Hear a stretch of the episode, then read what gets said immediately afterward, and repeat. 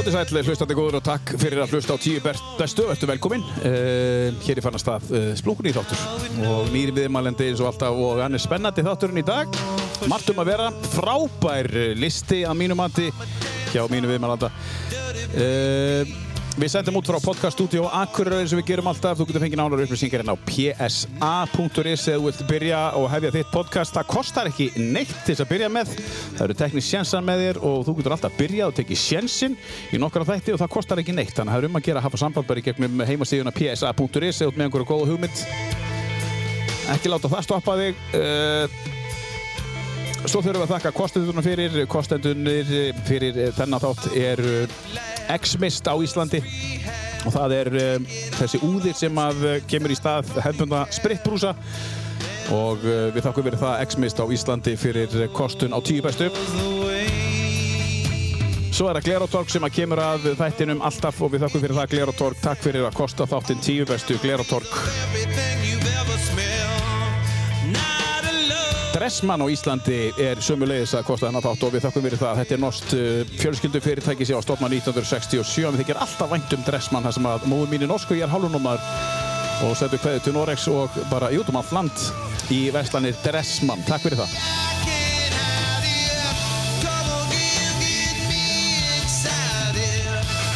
Blackbox pizza á Akureyri er sömulegis að kosta þáttinn og við þakkum fyrir það. Það eru súrdegsbotnin og bræðbæstu pítsunar í bænum að mínumætti sem er enna vel niður. Já, alla leið niður og út. Þú hefur ekki mikið fyrir að melda þessa pítsu þar sem hún meldist vel að mínumætti. Þú erum að tala um meldingu, en, en uh, það er hins vegar bara staðrind. Uh, þú erum að tala eiginreyslu. Takk fyrir það Blackbox pizza á Akureyri. Og svo er það uh, kapparnir í Nestek á Akureyri, þeir eru sömulegis að kosta þáttinn og þeir eru að bjóða ykkur, haldið ykkur nú 20% afslátt af, uh, af umfelgun nú eru þetta ekki að skipta dagar uh, og við sendum út hér í aprílmáni 2021 Þannig að uh, þú ferð þangað og þegar þú ert að fara að greiða þá einfallega segir við PSA eins og podcast stúdíu Akureyrar þú færir 20% afsláttinn. Nestek Akureyri, takk kærlega fyrir það og, og ja, gaman að segja frá því að Nestek Akureyri er í eigu Akureyringa. Það er svo leiðis. Annars er vor í lofti, það er fallegt veður úti, kallt. Uh, ekki alveg komin hitinn sem við erum að býða eftir, ég og Hjalti Rúnar Jónsson, uh, leikari sem er viðmælandi minn í dag. Verður velkomin. Takk að kærlega fyrir. Gaman að þú skilti koma og, og loksins náðum við einhvern veginn að, að, að hittast. Já, þetta er búið að vera smá, smá vinna að koma þessu að, Já. en bara geggja sko, ég er mjög spenntur. Já, herru, við hóðum leikin á þessu frábæra lagi með uh, Red Hot Chili Pepper, uh, Don't Forget Me. Þetta er nú kannski ekki þekktasta með þeim. Nei, alls ekki, allavega ekki hér á Íslandi og svona, já, í flestum, á flestum stöðum ekkert mjög þekkt, en þetta, ég er ekkert viss um að þetta hafi verið singull á þessari blötu heldur, en... eh, en uh, Þú fílar þetta? Já, ég fíla þetta og þetta er alveg, Red Hot Chili Peppers er fyrir mér bara svona bandið sem að, hú veist, margir eitthvað band sem við bara vita allt um og eru búin að fylgjast með síðan ég byrjaði að hlusta á nýjára skiluru Já. og bara síðan þá hefur það bara verið svona í setni tíð ef ég aðeins kannski verið að Já.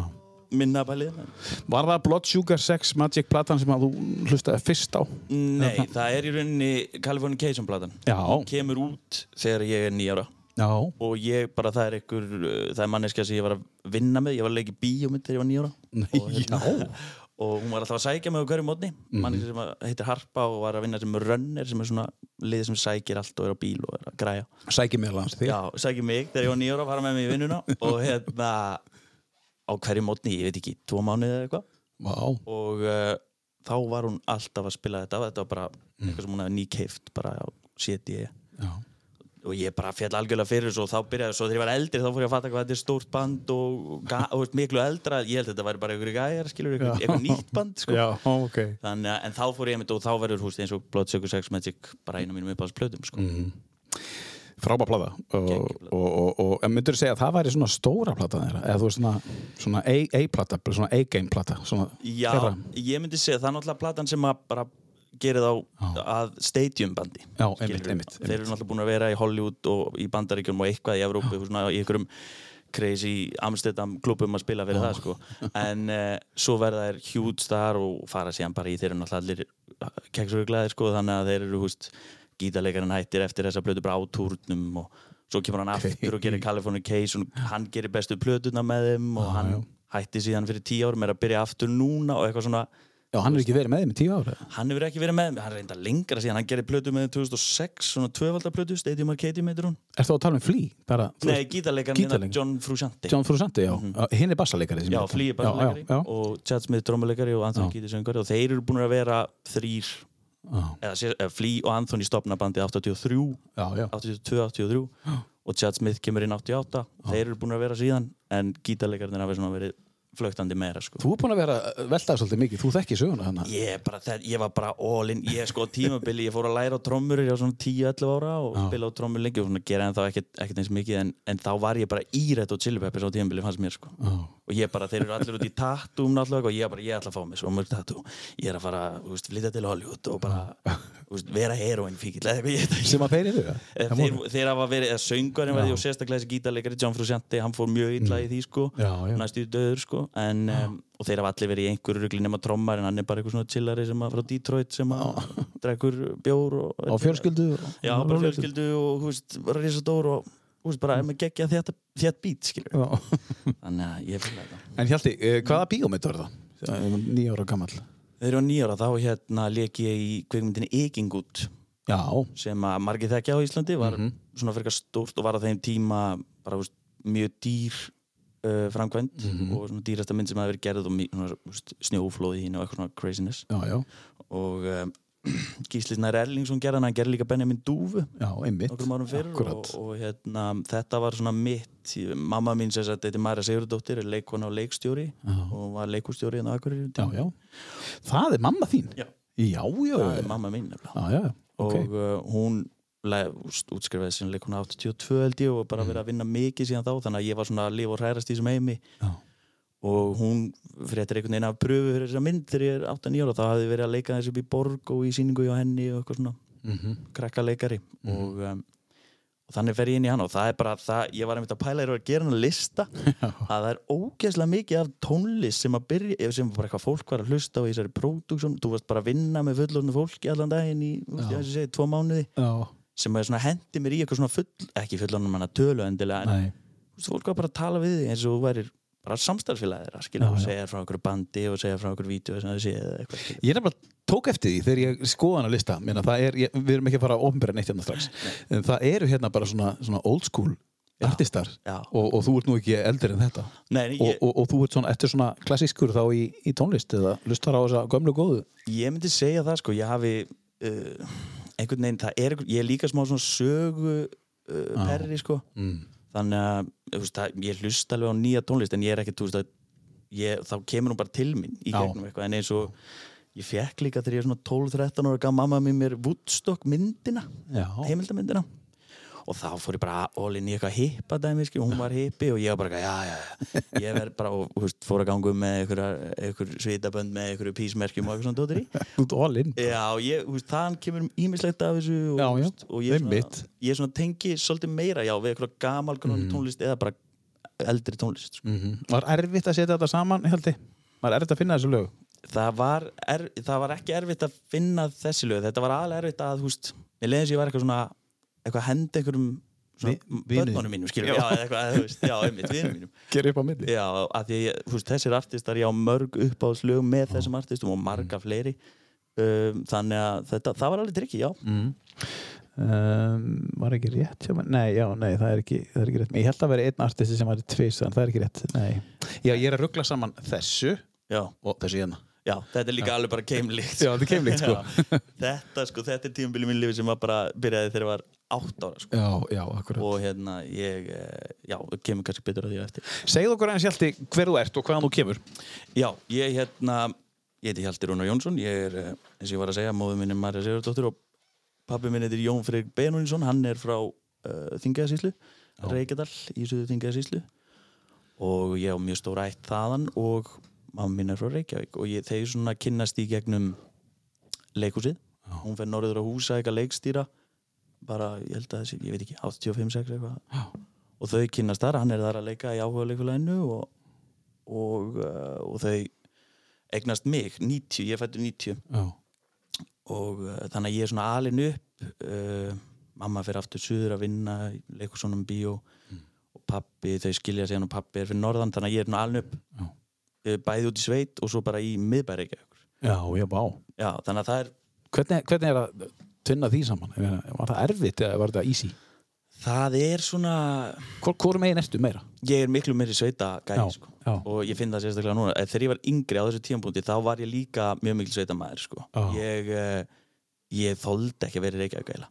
ég var í Reykjavík á veturna fyrstu þú veist, bara, já, upp í 5. 7. bekk eða eitthvað Já. 7. bekk og þú veist, ég átti alveg vinir en ég man alveg, veist, ég var til dæmis veist, ég var ekkert að eignast mikið af vinum af því ég var alltaf 100% á því ég myndi bara fara skilur Já, þú, þú vissir alltaf Já, ég var bara með það í haustum skilur, að það var bara, frelsið heim í sveit var eitthvað, Já. ég þorði ekkert að vera eitthvað lengi úti í Reykjavík, skilur, ég var bara skýt rættur Já, já, í hundra og einum. í 101 versus að vera heim í sveit bara eitthvað sem kemur bara inn þegar er hendar, Enga reglur. enga reglur og bara, þú veist og fær líka einhverja svona ábyrð þú fær það alltaf líka í Reykjavík en svona, mér fannst það mjög næs, ég var, veist, fann að vinna ég bjó svona ammin og afi byggu á Sveitabæ og frendi minn og ég fann að vinna fyrir eitthvað snemma, pappi minn er múrari líka og ég var að vinna mikið mónu þannig að ég, ég hafði bara mjög gaman að vera heim í sveit og vera með eitthvað svona ábyrð og vera að græða eitthvað og vera, vera að keira skilur nýjára eða eitthvað. Er þá þarna, sem Reykjadal, og og, og, og bærin heitir? sem sagt, ég er frá Hömrum í Reykjadal. Já, og það er hann rétt hjá lítið þorp sem heitir Laugar. Já, það er framhaldsskólinn á Laugum. Og, já, og svona. já. margir kannast við. Uh, ég er sett bara alveg upp á því svæði og síðan í hérna, já, bara hundra í beisil við byggum eila á tjarnagötunni Þetta er rosalegt. þetta, er rosalega munu sko. Já. En, en svona svo kom alveg tímabil setna sem að þú veist, ég var alveg svona fór að fíla Reykjavík aftur. En, en ég elst upp á þessum töm stöðum og er síðan úlingsári mín heim í sveit. Já, og það var bara geggjað ekkert margir krakkar, við vorum sjö í bekk eða eitthvað en um, Ljú, ljúa lífið maður. algjörlega, en svo er eitt líka sem ég var að, svo er eitt sem ég var að pæla í hérna með, með að því þetta er nú svona tónlista Já, að því ég fór síðan að læra á, á trommur og eitthvað og var náttúrulega bara alltaf að hlusta tónlist og þá var ég að, uh, í tónlistskólum heima og það komu allavega þrýr ef ekki fjórir eistlendingar, eistar já, á þetta svæði, Húsavík og voru síðan inn á Akureyri lengi, Valmar er hérna ennþá. Já, þeir voru allir heim í sveit á einhverju tímapunkti og hérna, þeir voru að kenna og Jan Alaveri var að kenna mér á trommur já, sem að hérna uh, hvað okkur reyndar í fyrra til miður já. og hérna og bara, veist, þetta, voru svona leg, þetta er bara legendir í tónlistamenn sem bara, þú færði eitthvað allt í einu upp í hendunar sem Bara brjálaslega góða. bara ógeðslega góða, ógeðslega og þeir eru líka bara með svona metna, eins og, eins og til dæmis Jan sagði eins og við mig þegar ég var eitthvað veist, að að vera leikari og var svona að pæla og svo var ég komið með eitthvað svona tilfinningu sem ég var hrættu við að vera leikari þetta er svona 20 eða eitthvað svo hitti hann í einhverju eitthvað staðar heim í sveit. Og var eitthvað að segja hann ég ætlaði kannski bara að læra múraran og svona bara, þú veist, maður getur bara leikið þegar maður detti, ég var eitthvað svona orðinn eitthvað, langaði bara að gera eitthvað basic sem að, þú veist, ekki basic, bara eitthvað sem að svona, ég var viss með vinnu. Að ég var svo hrættu, þú veist, ég átt aldrei pening, skilur þannig að hann sagði, hann sagði bara, ertu hálfviti eða? Já, sagðan það Já, hann sagði bara, þú átt að vera leikar bara ég sé Já. það á þér. Og bara, eldu það, ég sé það á þér. Og það er eitthvað sem mun alltaf liða með mér, skilur Þannig að það var svolítið hann sem að, var það hann af öllum sem að, hann var svona hann sem kerði Keyrði áfram, já. þú veist, Já. mamma mín sérstaklega bara alltaf hjálpa Já. mér greiðlega mikið og, og ég hef náttúrulega kynst þessu frá því að ég var krakki en svona að fá svona manneskur inn tilfyllt af Íslendingum sem er svona, Mhm. þetta var bara svo mikið gjöf fyrir þetta sveitafélag að fá manneskur inn sem bara, hei, þú getur bara þú getur spilað þetta Já, já. er eitthvað, En ertu þá í eðlínu hjalti bara svona opbúrslega skipulaður eða, eða svona ábyrðafullur eða gera það verkum að þú tókst ekki eða svona af, af hverju gafst ekki bara skýt ég ætla að vera leikari, ég ætla að vera bara blankur eða já, það, er- það er einmitt eitthvað svona, ég er, ekki, ég er alls ekki skipulaður sko. Nei ekki. En, uh, og var það ekki sem múlingur á þessum ári, ég var bara svona kom, þetta, ég held að þetta hafi líka stafað meiri bara hræðslu við mm. að fara í inntökupróf, að fá eitthvað nei Já, já. fram að þessu að ég verið að leika mikið hérna á Akureyri og sem badn og það er alltaf bara gengið vel. Mm en svo var þetta orðið eitthvað svona alvöru og ég var að fá eitthvað, veist, eitthvað svona bakþanga með bara svona hvað ef ég er ekkert góður? Veist, sem er bara eðlilegt en, en ég ætlaði að fara með það í hináttin ég byrjaði að læra múrverk sko já, og var þar í tvær vikur. Já, og einmitt. síðan bara því að bara, ok, ég verði að gera þetta og svipum tíma átti þetta samtal við hann og mm ég meina fóreldrar minn stuttum bara í hvað sem vildi en veist, ég held að við bæði átt segja á að ég var að fara þessa leið sko. já. En þú, þú varst í Reykjadalum svo, svo fluttur í, í Tjarnagötun og þú býr á Akureyri í dag. Hefur þið búið annars stað líka? uh, ég hef búið ég fór eitt sumar á Vopnafjörð Já. ég myndi ekki segja það, ég spilaði ekki mikið, ég var á bekknum, spilaði mikið og svo fór ég bara að djama Mikilvægur á bekknum, sko. Já, mjög mikilvægur á bekknum Ég var svona góður andlega Einmitt. En nei, svo fór ég bara eitthvað að djama og, og vinni fisk meira sko Á, á Vopnafri? Já, Já, það er alveg djamma á Vopnafri. Nú spyr ég bara alveg. þeirra er vertið sko Já, Þá, og ég ábygglega ennþá, þetta er gegn já. Þetta er einn af mínum upp á stöðum sko já, já. og hérna og gegg, það er eitthvað svona staður sem ég tengdi strax við, svo bjó ég eitt sumar þegar ég var 15 ára, þá flutti mamma til Danmerku til Bornholm sem er eiga sem Danmörk á. Já, og eh, bjó þar eitt sumar sem var bara mjög þægilegt, þá var ég mitt mikið að æfa mig á trommur, kefti mig í og það svona var ég virkilega eitthvað svona þá var ég að pæla að vera tónlistamæður skilur já. og eitthvað svona þannig að en þetta eru þessi staðir sem ég hef búið á. Ég hef búið ég, á þessum stöðum eins og þú fer með mér heim í sveit þá get ég bent á svona 20 hús sem ég hef búið í. Mm, ég skil, Skilur, ég mikið að flytja á. Já, innan Reykjavík svo þegar ég var í leikliðsskólanum þú veist þá bjó ég alltaf bara eina önn á hverju stað og svo maður farin í eitthvað herbyggi Já. fyrir skítapenning sko. En hvað lærið þú?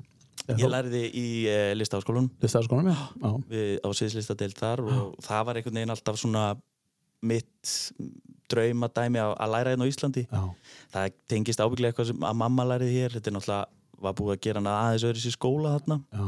en um, og ég ég fer inn, ég fer í indökupróf og kemst ekki inn Já. fyrst og átta mig þá á að ég vil virkilega gera þetta Já. þá er, svona, er, þetta, er þetta að koma saman að ég ætla að vera leikar og ég þarf bara að hætta öllum svona varnöglum og ký, einmitt þess að segja hann, kýla á þetta Mm. hætta að pæla í einhverju Mhm. framtíð sem getur verið mjög svört en hérna Mjög svört. eða svo mjög eitthvað dark framöndan en um, og, og þá fyrir ég að sækjum þegar ég kem síðan inn árið setna þá er ég búinn að sækjum úti og svona dóttir þannig að það var ekkert kannski heilagt en Hvar var það? ég sótt um í Skotlandi í skóla Já, já. og svo var ég langaði mikið að læra í Köpen sko, í, í kongali skólanum þar sem er bara allavega geggjaðast á og mjög góði leikara sem þar. Já, þannig að en svo bara komst ég inn heima áður en ég fór þessi indugupróf þannig að ég svona bara já, kildi á það. Og það, veist, ég, ekkert, ég held að það sé ekkert verða betra þetta, þetta nám bara er bara þannig að veist, þú, þú færið út úr því það sem þú leggur inn já. Sko, þú, þú hérna heima, er ekki rétt hjá mig að það eru fleiri sem koma á stað erlendis, en það eru mjög fáið sem koma á stað hérna heima, ekki? Jú, Þetta er algjörlega kynnaskiptið 50-50, eða ekki? ég, ég held að sé ekkert þú veist, þau náttúrulega taka yfirleitt inn svona tíu Já, tíu, fimm, fimm stráka finnst eftir. já, þeir reyna að hafa það held ég fimm strákar fimm stelpur það hefur alveg verið breytur á því við fórum fjórir strákarinn og sex stelpur já. Þannig að þetta er eitthvað svona að breyta eftir En, en, sko, en sko, tíu manns, Mhm. þú veist, þetta er, er hljóta að vera miklu, miklu fleiri sem sækjum. Ég man ekki alveg tölu, ég held að þetta sé, þú veist, þetta er alveg eitthvað 200 manns eða 100 En hvernig kemst maður í þessi, þessi 10%? Eða, veist hvað, hvað, Þetta eru sko, þetta er, 5%. þetta er svona þrepaskipt það, kom, þú veist, þú, bara, það er einhverjar þú veist, þú ert að vera með annarkvort með stúdensprófi eða búa með einhverjar einingar eða til að fara inn og svo ferðu í, bara þá far bara allir í indugupróf Já. og þú flyttur eitthvað eitthvað mónuloka, Mhm. það var allan þannig að ég var í þessu. Og svo er eitthvað svona rey, minni mig eitthvað svona veist, þú verður að ert svona að dansa og þau eru að skoða bara, veist, getur hann reyft eða hvernig reyfur hann sig eða hvernig tekur hann húst leiðbeiningum. Og svo er bara köttað frá þessum sem geta verið 150-200 manns niður í ég veit ekki 40 manns. Já, vá, já, og þá fyrir á annað þrepp sem er ykkur tveir dagar og Já. þá er verið að leikstýra og svo er það köttað niður í 20 manns.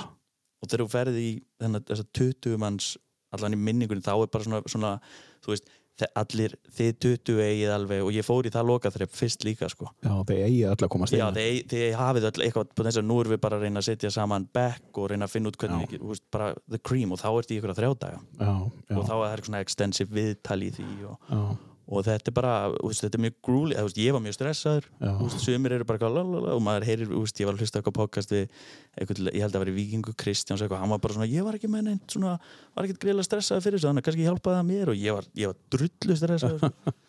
þannig að ég held að það sé bara misjæft sko. kannski hjálpaði það þér? Ég hugsa það, ég, ég, ég, ég vinn yfirleitt ágætlega undir þannig Já, pressu sko, þannig að ég held að það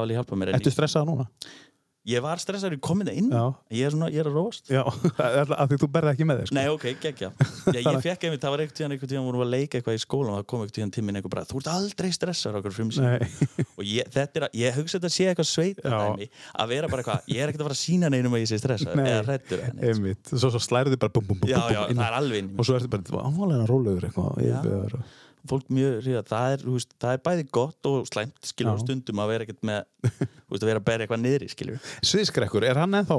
Er- Verður hann alltaf svona því- á leikurum með, hvernig er það? það er mjög misjátt, ég veit alveg um fólk og ég, þú veist, maður, ég veit þetta ekki kannski beintunni maður er heyrt sögur af fólki sem er bara þú veist, ælandi, þú veist, þó að sé búið að vera 20 ári í bransanum sko. Já, en auðvitað ferða ábygglega eftir einhverju þú veist uh, en náttúrulega manneskinu og hvað þú ert búin að gera og hvernig hlutverki þú ert í og hvað þú ert að fara að gera. Einmitt. En fyrir mig persónulega þá er það eiginlega alltaf eins. Ég er bara svona temmilega þegar við erum að byrja svo þegar við erum búin að sína nokkra sýningar þá er þetta orðið bara gaman sko. Já, já, já, ekki það að þetta, hefur, þetta er alveg gaman á frumsýningu en, en veist, maður finnur það líka eftir frumsýningu finnst mér veist, spennufalli sem kemur þá er bara, það er einhver lít ég held að það sé bara eitthvað svona drug sko, Er frumsýningadagur allt öðru í sig heldur bara næsta sýning?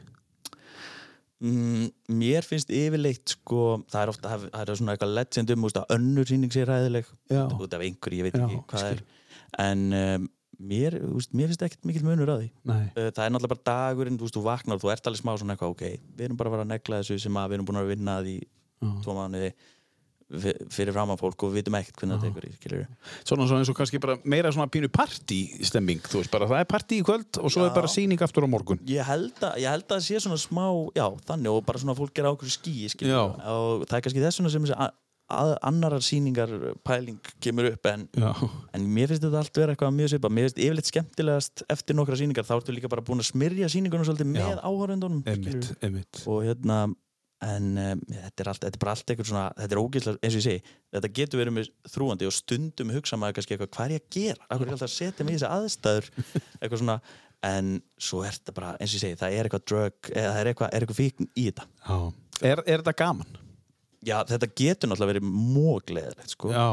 En ég sem betur verið ekkert lent mikið í því þá, þú veist, kannski ert í ykkur í sýningu sem að, þú veist, þú kannski ert eitthvað að vinna meira við að tengja við Já. eða, eða eitthvað, en ég sem betur verið bara unni með frekar skemmtilega sýningar og, og fengið að gera góða hluti. Um, og svo, ég, þú veist, svo er það líka bara þannig, þú veist, þegar þú leggur eitthvað mikið í þetta, það er kannski leiðilega ef að þú sjálfur ert á okkur vondum stað skilur, þú ert ekki að ná að vinna þína vinnu og, og vera í einhverjum, í einhverjum vondu geimi en, en ég einhvern veginn fíla allt gera, það er sumt sem er ég veit að, þú veist, ég er meira passionate fyrir, en svo þá kemur eitthvað svona professional- professionalismi inn í þetta Já, að keira áfram brókin, nú ætlum ég bara að sinna þessu já. en mér finnst þetta alltaf gaman sko.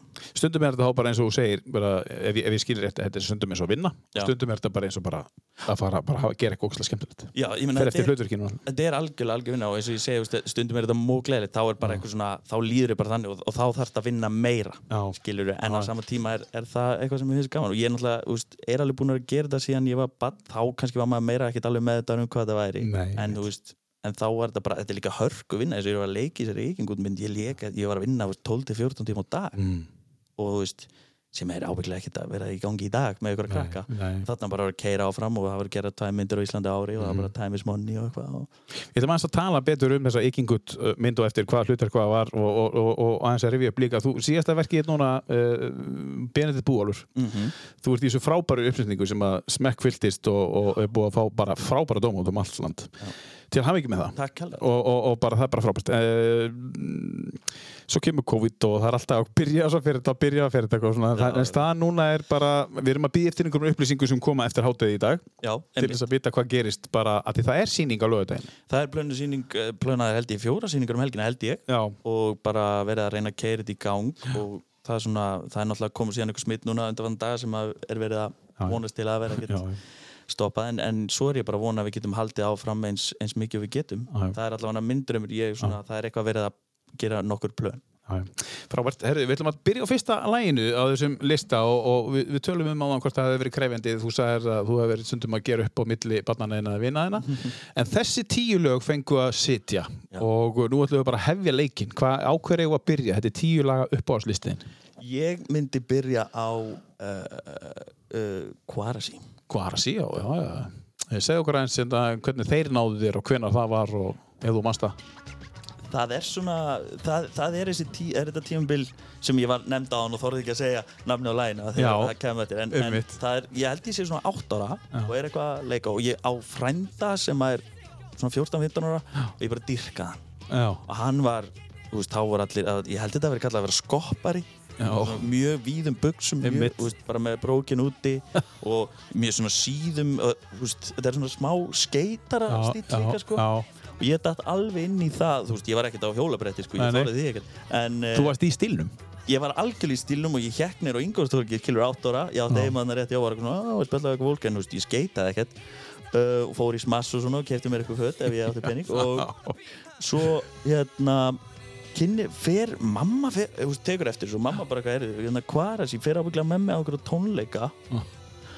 og í hinu húsinu eitthvað, ég var bara eitthvað, þetta var bara svo mikið orka Já. og þetta var bara bilun og, veist, og þá fór ég og þá er held ég, þeir að gefa þessa plötu eða nýbúin að gefa út þessa plötu sem að Jivin About er á Mhm. sem er þetta lag og, og veist, ég er bara eitthvað, ég datt alveg nýtt og stofnaði einhverja hérna rap hljómsitt Já, ok. ég var, sem sagt, þarna á þessu tíma var ég í uh, Landakotsskóla Já. Landakot skóla? Já. Já, já. sem er kaðalsku skólinn alltaf svona ég var byrjað í melaskóla sko í fyrsta öðrum bekk og. Mér sinnaðist eitthvað eða, veist, ég var svona, ég var mjög með sterkar skoðanir Já.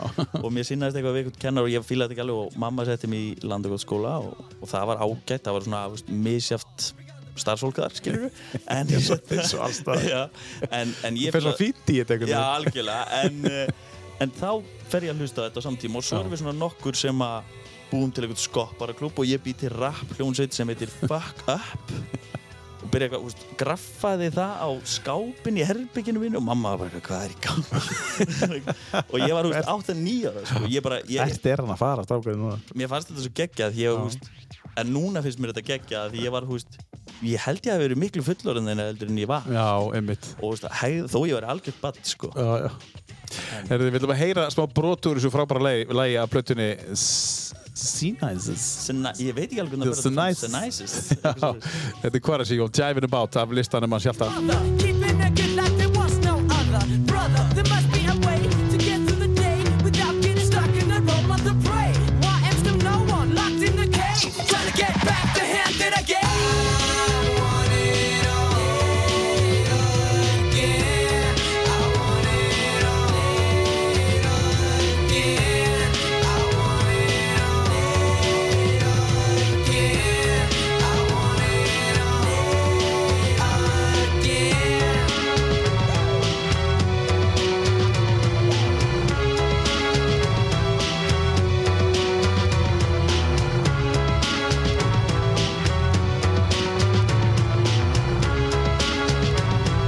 Fyrsta lagið af tíulega lista hans Hjalta Rúnars Jónssonar, leikari sem situr hér hjá mér í dag. Uh, tíu bestu virka þannig að hann kemur til minn, uh, samþykir það að koma til minn í viðtala og ræða bara lífið og tilverun og ferilinn og hvað annað. Og hann tekur með sér tíu, sín tíu uppáðslög og við svona brjótum uh, viðtali upp með þeim og þetta er fyrsta lagið af þeim lista. Hvað er að sé Jivin About?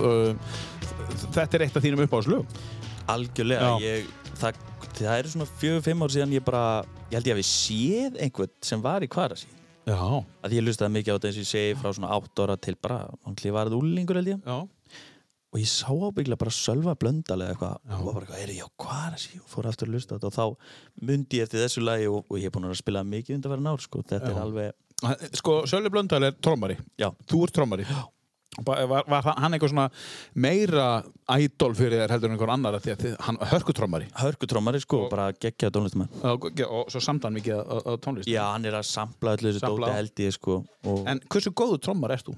Ég myndi segja ég væri langt ráði að vera einhver frábær trómari. Þegar ég var að stunda þetta sem mest þegar úlingur og í framhaldsskóla þá er mitt mat allavega að ég hafi verið bara mjög svona músikalst góðu trómari Þú veist, ég var mikið Já, að, í jam sessionum, mér fannst það svo gaman, það kemur ábygglega út frá uh, Red Hot Chili Peppers og eitthvað svona sem eru miklu jam tónlist, voru alltaf geggjaði tónlistamenn Já. að hérna, Þegar þú segir jam já bara, Er svona svona- improva, improvisation skiluru, Já, þú veist, eitthvað bara svona- allir saman að búa til eitthvað, Já, bara svo jazz í, rauninni nema þú veist bara yfirleitt eitthvað, eitthvað, frekar solid en svona allir að tengja, þetta er svona meiri tengingar pæling, ég var ekkert einhver tæknir að séð ekkert eitthvað frábær skilur en uh, ég bara, ég sind, þegar ég sinti þessu mjög vel þá gæti ég spila mikið, ég spilaði á einhverjum söngvakefnum heima og eitthvað Mhm. svona dótur í sem varst ekki en það, ég hef aldrei, hún tala um stressaðan ég hef aldrei verið stressaður eins og þegar ég er að tromma live sko.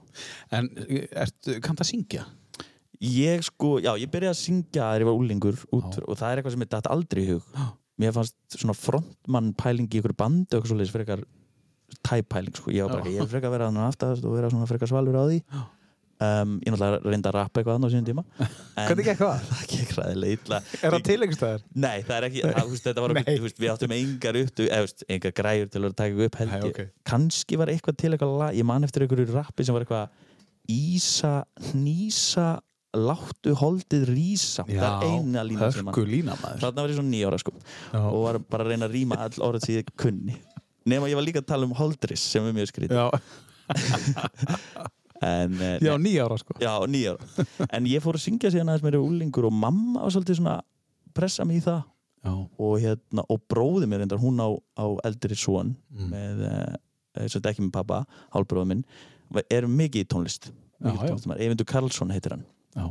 Og, uh, og hefur ímsu stand-upi og svona Eyvindur Karlsson, sonur hans Karls Ágúst. Já, Já, þau áttu, áttu bara saman, voru saman sko Já, hann, hann er bróður, hann er mikill eh, talent. Já, takk fyrir það Já, hann er, hann er, Mikill. Já, segi ég, takk fyrir það já, já, meina, ég er að hrósa bróðin. Já, hann er, hann er alveg, já, og hann hafði miklu meira áhrif á mig heldur en ég held sko þeim tíma, þú veist, hann var að, þú veist, leiði mér að, þú veist, hann, ég fór ykkur heimsótt til hans í úlingur og hann bara fór að semja lög með mér og leiði mér að hlusta á eitthvað annað, þá var ég bara að hlusta á Red Hot Chili Peppers til dæmis, Já. hann var svona aðeins að leiða mér að sjá eitthvað meira að, já, kynna og, og það eins og ábyggilega, þú veist, einhver lög á þessu tengjast því, sko, Já, já. að einhver leiti, svona, að einhver, einhver leiti, hann Já, fór að sína mér Nick Cave, hann var mikil Nick Cave maður, Tom Waits maður Mm. og, og þá fór ég að finna bara svona dýpri eitthvað svona aðeins öðris heldur en bara rock og brjálæði, sko. Hann hefur samt verið að vinna eitthvað með pappa sínum.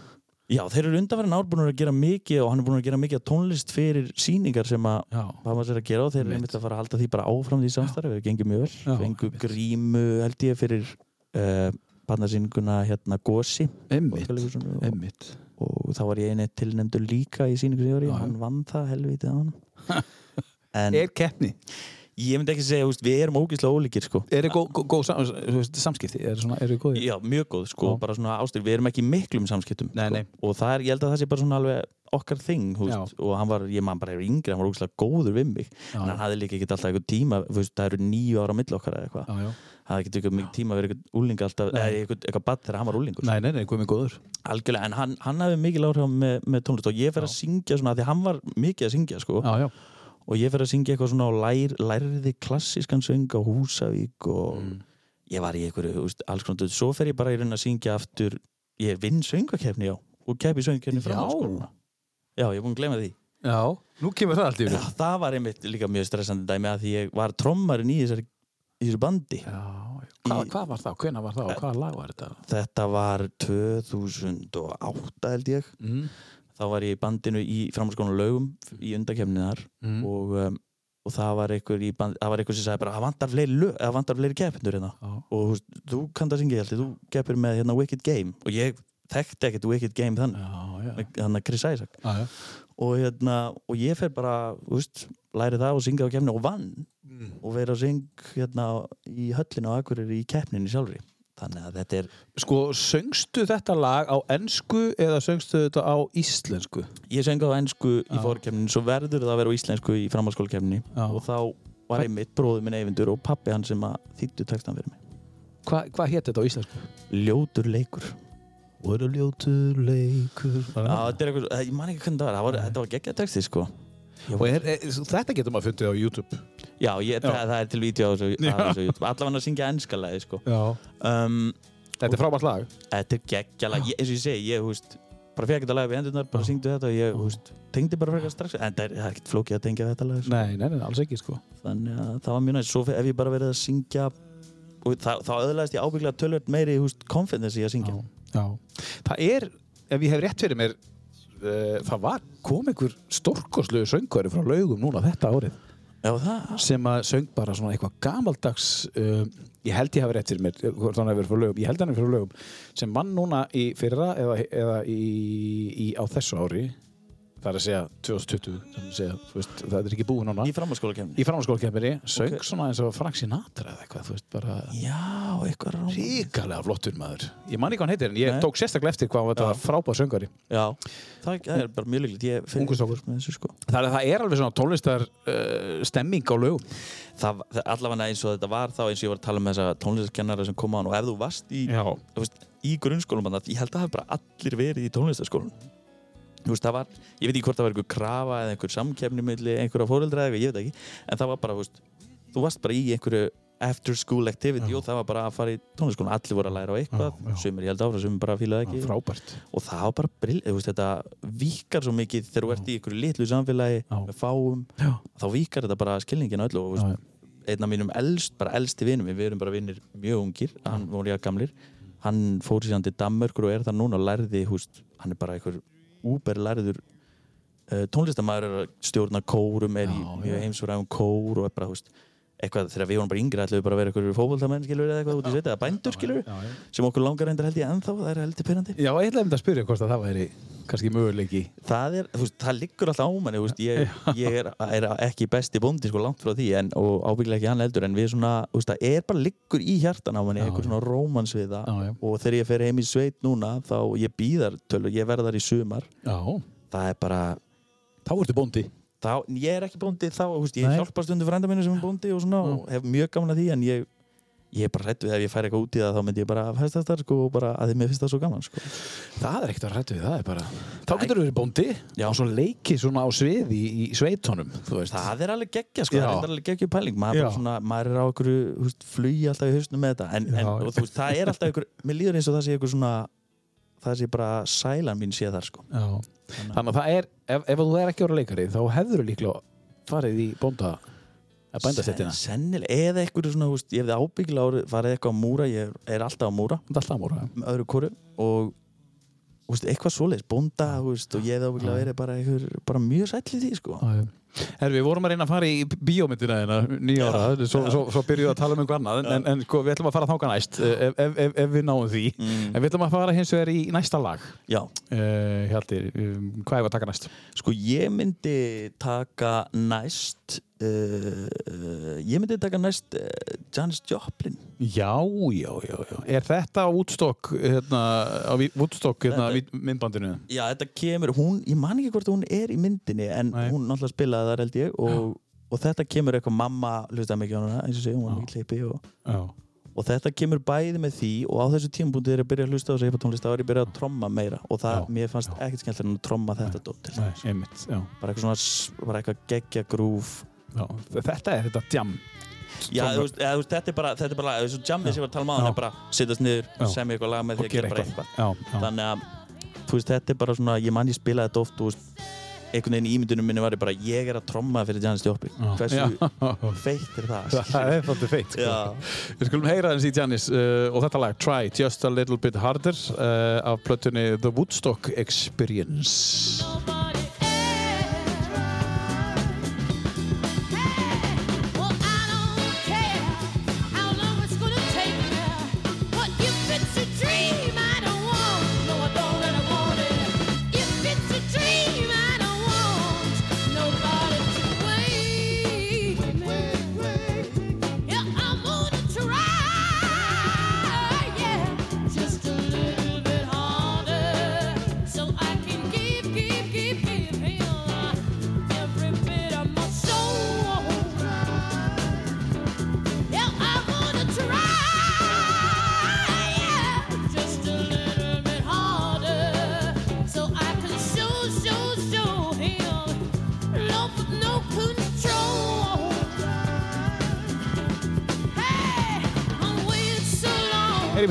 Lag með Janis Joplin og þetta er nú ekki þetta lagi með henni eins og við heyrðum fyrsta lagið með eh, hljómsveitinni Red Hot Chili Peppers. Þú ert búinn að kafa svolítið í þennan artista. Já, ég var mig, ég veist eins og þetta er reyndar svona á þessu lista svona eina sem ég hef ekki hlusta á, það er svona sennilega hvað lengs ég hlusta á þetta. Mm. Og hérna, en þetta var mjög stór partur af mér og eins og ég segi þegar ég fór inn í eitthvað svona hippa dæmi og, og lingur og, en það er bara, í Janis finnst mér bara, veist, mér finnst þú styrlu sönguna, Já. geggju sönguna, Já. en það er bara, ég er, það er eitthvað mest af þessu held ég, er bara eitthvað svona tilfinning sem að gís út úr þessum listamönnum, Já, skilur já, og þú veist, ég, ég er mikill þú veist, grúvari og fíla, veist, en það er líka tilfinning í því Já, já. og ég, eins og ég var að tala um aðan, þú veist, að spyrja hvernig trommar ég væri Já. ég held að þú veist, ég get aldrei orðið eitthvað tæknilegur músikant ef ég hefði farið í það, ég hef bara verið miklu meira á okkur svona feelings leveli, Já, skilur ég skilji, ég skilji. Já. en, En, en textar, Hjalti, uh, er þetta eitthvað, uh, gerir það eitthvað fyrir því? Það er eiginlega misjæft ég, Já. Yfirleitt er það ekki það fyrsta sem ég heyri þegar ég hlusta lög um, Náttúrulega í rappinu og því sem ég var að hlusta þá ég hef svo sem ekki mikið kafað í rappið sem er í gangi núna Nei. þá var ég alveg mikið þú veist, að pæli þú var eitthvað svona, já, þetta er statement ég var mikið svona statement cool ég hlustaði mikið á Rottweiler skilur og Erp og ykkur, Já, já. ykkur svona rebeldæmi sko, og bara fílaði það þannig að það er áfæklega mest sem ég var að í textum og svo eru nokkur lög á þessu lista sem eru bara aðalega texta tengd fyrir mér. Mm -hmm. uh, allavega er tvö, já. Við möttum að spila þau. já, við erum eftir að spila þau. Og, og það er, þú veist þá er það svona sögutengt. Mm -hmm. finnst lög, þú veist, ef ég er að heyra texta í lögum og það er eitthvað svona heill bogi í einhver saga í honum, skilur það er svona það er svona eitthvað sem ég fíla Uh, förum uh, 20 ára aftur í tíman og, og uh, þegar þú varst nýjára uh, rúmlega, þegar, þú ert að leiki í þessari íkingútmynd sem að já, margir þekkja og, og var, stórt production hérna á Íslandi og eins og þú segir, eitt af stæsta sem við gerðum á þeim, þeim tíma. Já.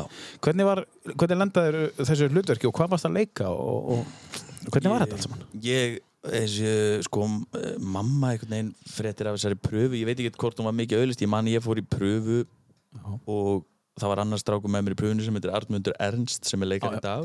svonur hérna Ettu Heirun og Bakmann og, og Björsinga. Já, hann var í þessari pröfu með mér og við höfum leikið saman í borgarleikusinu fyrir þetta, þannig að við vorum svona einhver leikar að bönna á fulli sem var alveg oft held ég. Já, en um, við vorum í þessari pröfu og já, ég fór bara einhverja tvær pröfur var að gera eitthvað, svo var ég bara eitthvað eitthvað látin gráta í sindböndum, bara getur grátið? Og ég fór bara eitthvað grát, bara var með það? Það. og þú veist þá var ég bara, já, settla reynda og þú veist, þetta var, ég, mér fannst það geggja ég fekk frí, í skó, eða, veist, frí skóla og fór að vinna. Og Fyrstu bara, fyrstu bara frí, þú veist, út af því að þú varst að leika í bíómynd, var ekkert mál. Ég, ég svo sem veit ekki hvað gekk á ég held að hafa ekki, þú veist, bæ, ég var náttúrulega í ég var í landakotskóla þessu tíma sem er náttúrulega ég veit ekki hvort það hefði ykkur áhrif á að það var eitthvað svona engarekin skóli Já, skilur, ég veit ekki hvort já. að það hefði verið auðvöldir að þar. Já, en ég átti náttúrulega að vera að læra eitthvað á setti skilur þegar ég var ekki, þetta er náttúrulega mikið byð að bíómynd, Já, bara endalist byð þannig að ég átti að vera að læra eitthvað. En? Ég held einhvern veginn að því við vorum með mannesku sem var svona sjá það var ég og annar strákur, grænlensku strákur. Við leikum svona vinn í þessari mynd og þetta er svona um, um þá sögu og, og, og fordóma og hva, hvernig við getum komast yfir þá og, og hvað þeir skapa. Mhm.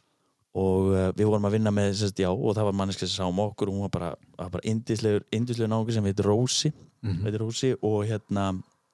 og og bara það, ég man ekki, það var einhver sem var alltaf að hjálpa mér með starfræði sem var held í aðstofatökum og það var svona öðru kóru og svo var ég einhvern veginn ég náði svolítið að tala mig bara held ég frá því. Bara svona, já, ég vil ekki bara gera þetta. Og vera svona eitthvað krútlegur held ég og vera bara, þú man, fór að gráta. Ég held, ég veit ekki ég, ég nýtti mér það ábyggilega eitthvað, sko. Já, ekki. Jú, gæti verið, en ég svona, ég held ég hafi bara verið, þú veist, kom, eða, þú veist, ég bara hlustaði mig, ég var þannig bara á þessu vinnustaf og ég, ég heyrði, talaði við leikstjóran setna og eða hvort það var, það var sennilega framlegandi og hann var bara, þú veist, þú- það var bara gott að vinna með þessum barn að þú hlustaði rosa mikið Já. og þú bara, þú veist, þú varst alltaf on. Það var ekkert eitthvað svona, nú þurfum við að fara og segja börnunum hvað þau eiga að gera, ég var bara on. Já. og að því mér fannst það bara gaman og spennandi og hérna, þannig að þetta var bara þetta var geggjur einsla og, og ég held ég að eins og ég var að tala um áðan fullorðnast allavega parti til inn í mér að því þarna var ég bara hann að vinna Já. og ég var að hanga með fullorðnu fólki og leikurum sem voru að segja mér eitthvað og ég heyrði samtöl sem að börn kannski ættu ekkert að heyra Mhm. og, og bara sem ég fannst geggjað og, þú veist, og ég svona kom í skólan manni og ég átti alveg vini en ég var samt svona, ég er byrjaður að vinna skilur, Já, ég er byrjaður að borga skatt. Þú veist það eitthvað svona kjálta þannig að ég var kannski frekar pyrrandir, ég kom tilbaka já. En þetta hefur þá líka hjálpað þér ja, mögulega með, með þetta eins og þú segir og líka þá kannski að því að þú segir okkur kannski í framaldi um hvað myndi snerist þú sagðir þetta væri mynd sem að, um fordóma. Kennir þetta ekki nýja ára gömlu banni mögulega eitthvað? Hvað það varðar þegar þú settur bara í hlutverki bara, Jú. þú veist hvern, Ég- hvernig var það? ég hugsa það sko ég, ég svona ég eh, kem inn í þetta og við erum, og við erum alltaf að vinna mjög náðið saman ég og þessi grænleinski strákur sem er hans og uh, við, hann talaði enga íslensku, ég talaði enga grænleinsku náttúrulega og hann talaði eitthvað dönsku og ég skildi ekki neitt í dönsku en við vorum svona, og það var mann ég mjög mikið svona í prómóinu þegar myndin var að koma út að við hefðum verið vinir á þess að tala sama tungumálið sem, tæ, sem tengist alveg inn í myndin sem fjallar, hún gerir sér satt held ég svona 1700 og eitthvað Já. eða kannski fyrr. Og, uh, þar, og bara gerist í litlu sjávarþorpi og það rekur grænlenskan strák á Ísjaka til landsins og allir hlaupa bara upp til handa og fóta og halda þetta sé eitthvað svona húst, vera. Einhver bara, einhver drísildjöfill eða eitthvað svona brjálæði og, og það verður eitthvað svona múgasýngur út frá því og þetta er svona að verið að varpa ljósa á það og úst, ég er vinur og við tengjumst og þetta er bara manneskja skilur já, já. Og þetta er svona þannig barátt og úst, allt fyrir vel að lokum. Mm. og er náttúrulega var einhvern veginn tilluð sem badnamynd en úst, er bara fjölskyldumynd Mhm. með góðan bóðskap og ég hugsa að ég hef lært mikið og ég er svo sem var líka bara alin upp mikið með þessa hugsun skilur og, og kannski frá- Já, bara ég hugsa það sko, ég held ég hugsa að lært meira um hvað þessi mynd var bara í einhverju svona því að veist, það var náttúrulega mikið promo og ég fór til veist, á tvær kvikmyndaháttíðir með þessari mynd þegar ég var nýjára, Mm, níu, tíu ára. Og var, veist, ég held einhvern blaðamann að fund manni í Hollandi með bara, hundrað blaðamann og ég var pinglið, ég var bara ógeðslega skrít og ég gaf eiginandar áriðanir og ég var ógeðslega, ég tók svona tíu myndir í hverja og svo lélur að skrifa. Ég þannig að, veist, á Það var að vanda sig. Algjörlega. Og á því ferðalagi held ég að við lært veist, meira um þessa myndi heldur en þegar ég var að gera hana. Það var bara þannig sko. Hvernig, eh, veist, þetta er aðalhlutverk, annað aðalhlutverk sem þú leikur. Já, það, já, þetta voru tvö aðalhlutverk þessi tveir og, og Pálmi Gess leik líka aðalhlutverk hana og, við, og ég var síðan tilnefndur, ég og Pálmi voru tilnefndir til eddunar Já, fyrir já. þetta mann ég Já, fyrir leikari aðalhlutverk, ég fór þanga og þá var ég, þú veist, ég veit svo sem ekkert hvað ég er að hugsa en ég man ég var bara svona, þetta er alveg eitthvað þing já. og við töpum reyndar ég og Pálmi fyrir einhverjum, einhverjum fáta sko en Um, Til að mikið uh, en hérna þannig að þú veist og Já. en den, þú veist það voru kannski gera tveið þrjá myndir þetta ári, ég manna ekki En hvað gerði þetta fyrir þig? Bjóða til einhvers konar stökkpall fyrir þig? Uh, en hvað gerist eftir myndina? Ég, í rauninni, já, eins og ég segi, ég var búinn að leika þarna eins í, í einhverju tveim leikritum fyrir þetta, svona professionally og þetta verður til þess að ég geri sjónvarsþætti, ég fer í útæðsleikus og fer svona alls konar gegn Já, og bæði það því mér fannst það gaman en líka held ég að því að ekki það ég viti en þú veist, bransin er kannski þannig veist, þessi gaur er bara góður Já. þetta barn er gott að leika Já. og það er svo miklu öðuldra fyrir okkur að geta bara gert mynd það sem barnið skilur hvað er í gangi og er í raunum bara veist, þannig að það var ábygglega líka þess vegna. Og stóðstu basically vel. Já, ég, ég, veist, það var bara þannig og, og, hérna, og það kemur bæði bara af, veist að að mamma þjálfaði mér bara greiðlega vel og hún hefur, veist, hún, hefur gert, hún hefur gert sína ein myndir og, unnið með börnum líka og hún er bara mjög frábær í því Mhm. að fá þau til að tengja við tilfinningarna sem þau eru að reyna eða þú veist, bara gera það á einhvern annan hátt þessi tilfinning, nú þarf þetta að gráta Já, já. Þannig að ég hugsa að það er bara komið frá því og og hérna, ég, þetta, þetta setti mér svo sem alveg á þann stökkpall en ég síðan fer ég heim í sveit sko, í, sem úlingur og þá bara, þú veist, mér fannst það bara geggjað. Ég var alveg til í að sleppa því að leika ég var að talsetja manni mikið. Já, já. Teiknumyndir og, og Harry Potter myndir og, og ég man ég fór norður eitthvað og, og hérna hann Júli Agnes heitinn sem var með talsetningarna, hann ringdi mig eitthvað eru getur þú komað að döpa hennan í Harry Potter? Ég, bara, ég er farin heim í sveit sko. Já, já, ég hef ekki tímið ég, þetta. ég hef ekki tímið þetta, ég ætla bara að vera heim í sveit sem var greinilega bara svona top of my mind þá. Já, og virðist vera ennþá. Er það algjörlega ennþá? Veist, ég er svona, þú veist, ég er náttúrulega að leika svona tölvert núna og það er bara framundan hjá mig verkefni og svona sem er, þú veist, hefur ekkert verið mikið eftir útskipta, það er svona að gerast núna síðustu 2-3 ár. Já. og, og þá, þú veist, ef maður minna heim í sveit sem er bara allt í lagi en ég er svona Já. ég, ég fer frekar og leika eitthvað heldur en að fara heim í sveit og gera ekki neitt, sko. Já, já. En ég mun alltaf hafa það í bakland og, og hafa það í vasan, sko Ok, það er frábært, uh, frábært að heyra Íkingut, maður getur séð þetta Er þetta ekki á Netflix, þessi mynd? Eða er það rámt til mér? Ég veit það ekki sko, hún var alltaf, ég maður, fólk er mikið búið að spyrja mig hvort ég eitthvað D.O.D. eða þessu eitthvað, ég, ég hef ekkert að þessu. Sko, ég man alveg eftir þessari mynd, ég haldi En ég man líka eftir því að hafa ekki séð hana Það er held ég mjög mikið af fólki þannig. Já, og, en ég man samt alveg eftir sko, uh, Íkingut Það var nefnilega gríðarlega mikið fjallað um hana, Já. en ég er ekkert vissum að hafi margir færð að sjá hana, hún var sínd einhver jól og eitthvað svona einhver ár, veist, á rú. Já, já, En, um, en þetta var líka, þetta var bara svona, þetta er bara falleg saga, það var svo sem ekkert Já. eitthvað, þetta er ekkert svona stórlega eftirminnilegt held ég, ég veit ekki. Nei, en þetta var samt alveg stórt production, þetta var svolítið risa stórt production, fullt af peningum í, í þessu, þetta var, þetta var svolítið stórt. Það er ég að bulla, þetta er mjög eftirminnilegt að rísa snjóflóðatri í þessu sem Já, var einmitt. thing og ég held að meira að, að það er tökur hafi verið notaði bara í einhverju leiri mynd Já, já, já, meina, bara ég það. held það, ég hef grunnið það, ég ætla ekki að vera eitthvað með Hérna stendur Íkingut, film completo in italiano. Já, á YouTube á YouTube, þannig að þú getur bara að horta á hana á ítölsku hérna Ég, ég en, en, en sko uh, svo er þetta tyrknesku líka og ungversku Þetta er ábygglega bara miklu betra á Disney sko. Já, það getur verið gaman að heyra hvernig þú hljómar á tyrknesku. Dimma og fína rödd. Herðu, ok, um, við, við ætlum að fara næst í Benedikt Búál en eftir næsta lag, tökum þriða lag á listan einum. Já, ég til í að fara í, þú veist, að þú vorum að tala um svona textapælingar á hann. Já, uh, Förum í Bob Dylan já, og ISIS. Já, já. Er þetta þessi titill Veist hvað? Þetta, þetta er náttúrulega löngu áður en að ISIS Já, kemur til jú og, og þetta er eitthvað, ég er svo sem ekki veist, ég þekki Bob Dylan brjálæðingaskilur sem ég er ekki að fara að telja með þannig en Nei. þessi plata, reyndar held ég mjög vinsæl Desire Já, um, og einhver, ég veit ekki ég held að bróður minn hafi gefið mér þessa plötu Mhm. mm ég held að tengist inn í það. Og ég, þetta er svona eina plötunum sem ég get hlustað á bara alla í gegn. Bara rúlað í gegn og, er ekkert, þú veist, og það er ekkert marga þannig plötur fyrir mér skilu, ég þarf ofta að skipa einhverju einu tveim lögum sem ég bara meik ekki sko. já, já, já, já, hún meinar sem er of mikið. Já, þannig að flest lögin að þessari plötu geta verið, en þetta lag tengi ég mjög vel út af sögunni í textan og ég bara, mér finnst ég alltaf að geta séð þetta fyrir mér eins og bíum, sko, eða bara eins og ég væri þarna, sko. Heyrum aðeins í Bob Dylan og læginu ISIS og kannski leggið við hlustir sérstaklega við textan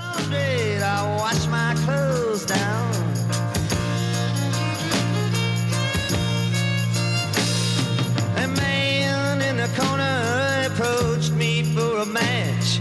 I knew right away he was not ordinary. He said, Are you looking for something easy to catch? Said, I got no money. He said, That ain't necessary.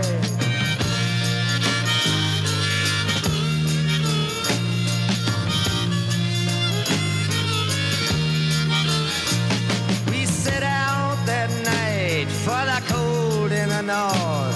I gave him my blanket and he gave me his word.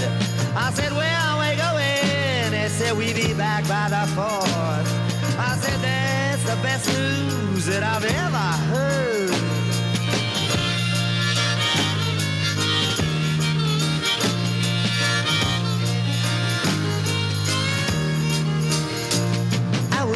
Thinking about turquoise, I was thinking about gold, I was thinking about diamonds and the world's biggest necklace as we rode through the canyons, through the devilish cold.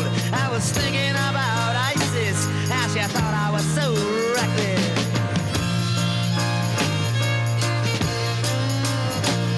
As you told me that one day we would meet up again.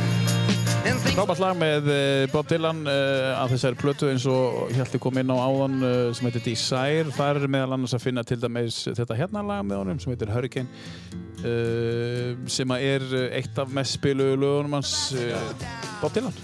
Gekki, var, ekki, var ekki gerð bíómynd sem heitir Hurricane? Þetta Hurricane. Jú, sem að var hérna boksarinn. Já, Denzel Washington held ég að við leikja. Og það er að sögum plötu.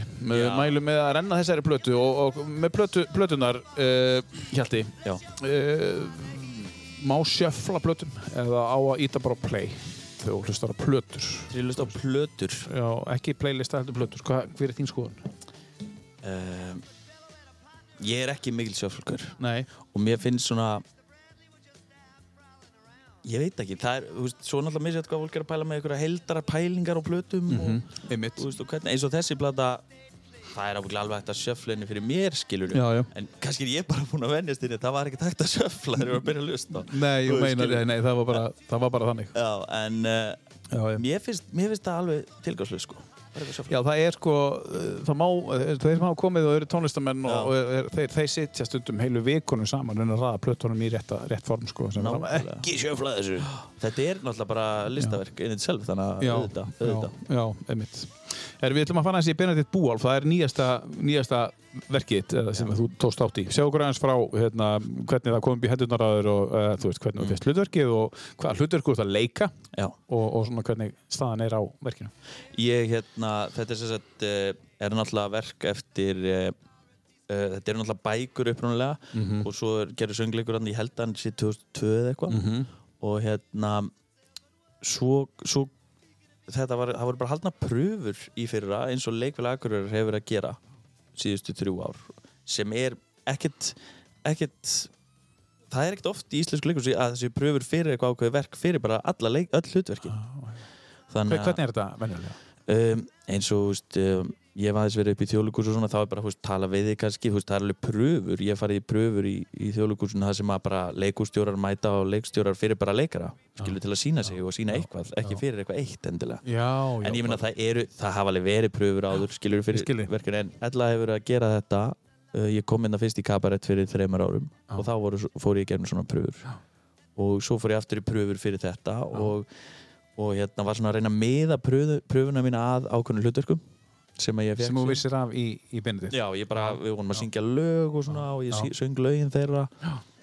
og þau svona vildu heyra mig syngja eitthvað þannig þannig að þetta var kannski á þeirra byrju lengt Mhm.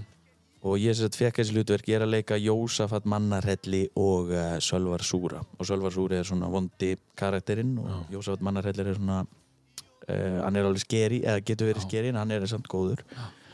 Og þetta, já, þetta svona fór, á- við fórum að stað með þetta náttúrulega í þetta einhvern veginn er svona nærin í eitthvað svona COVID stoppi eða þannig að við Já, erum já. bara í, í góðum málum að æfa, erum bara að fara að sína og svo bara byrjar að seljast mjög vel og Já. svo frumsýni við og bara mjög góð viðbröð Mm.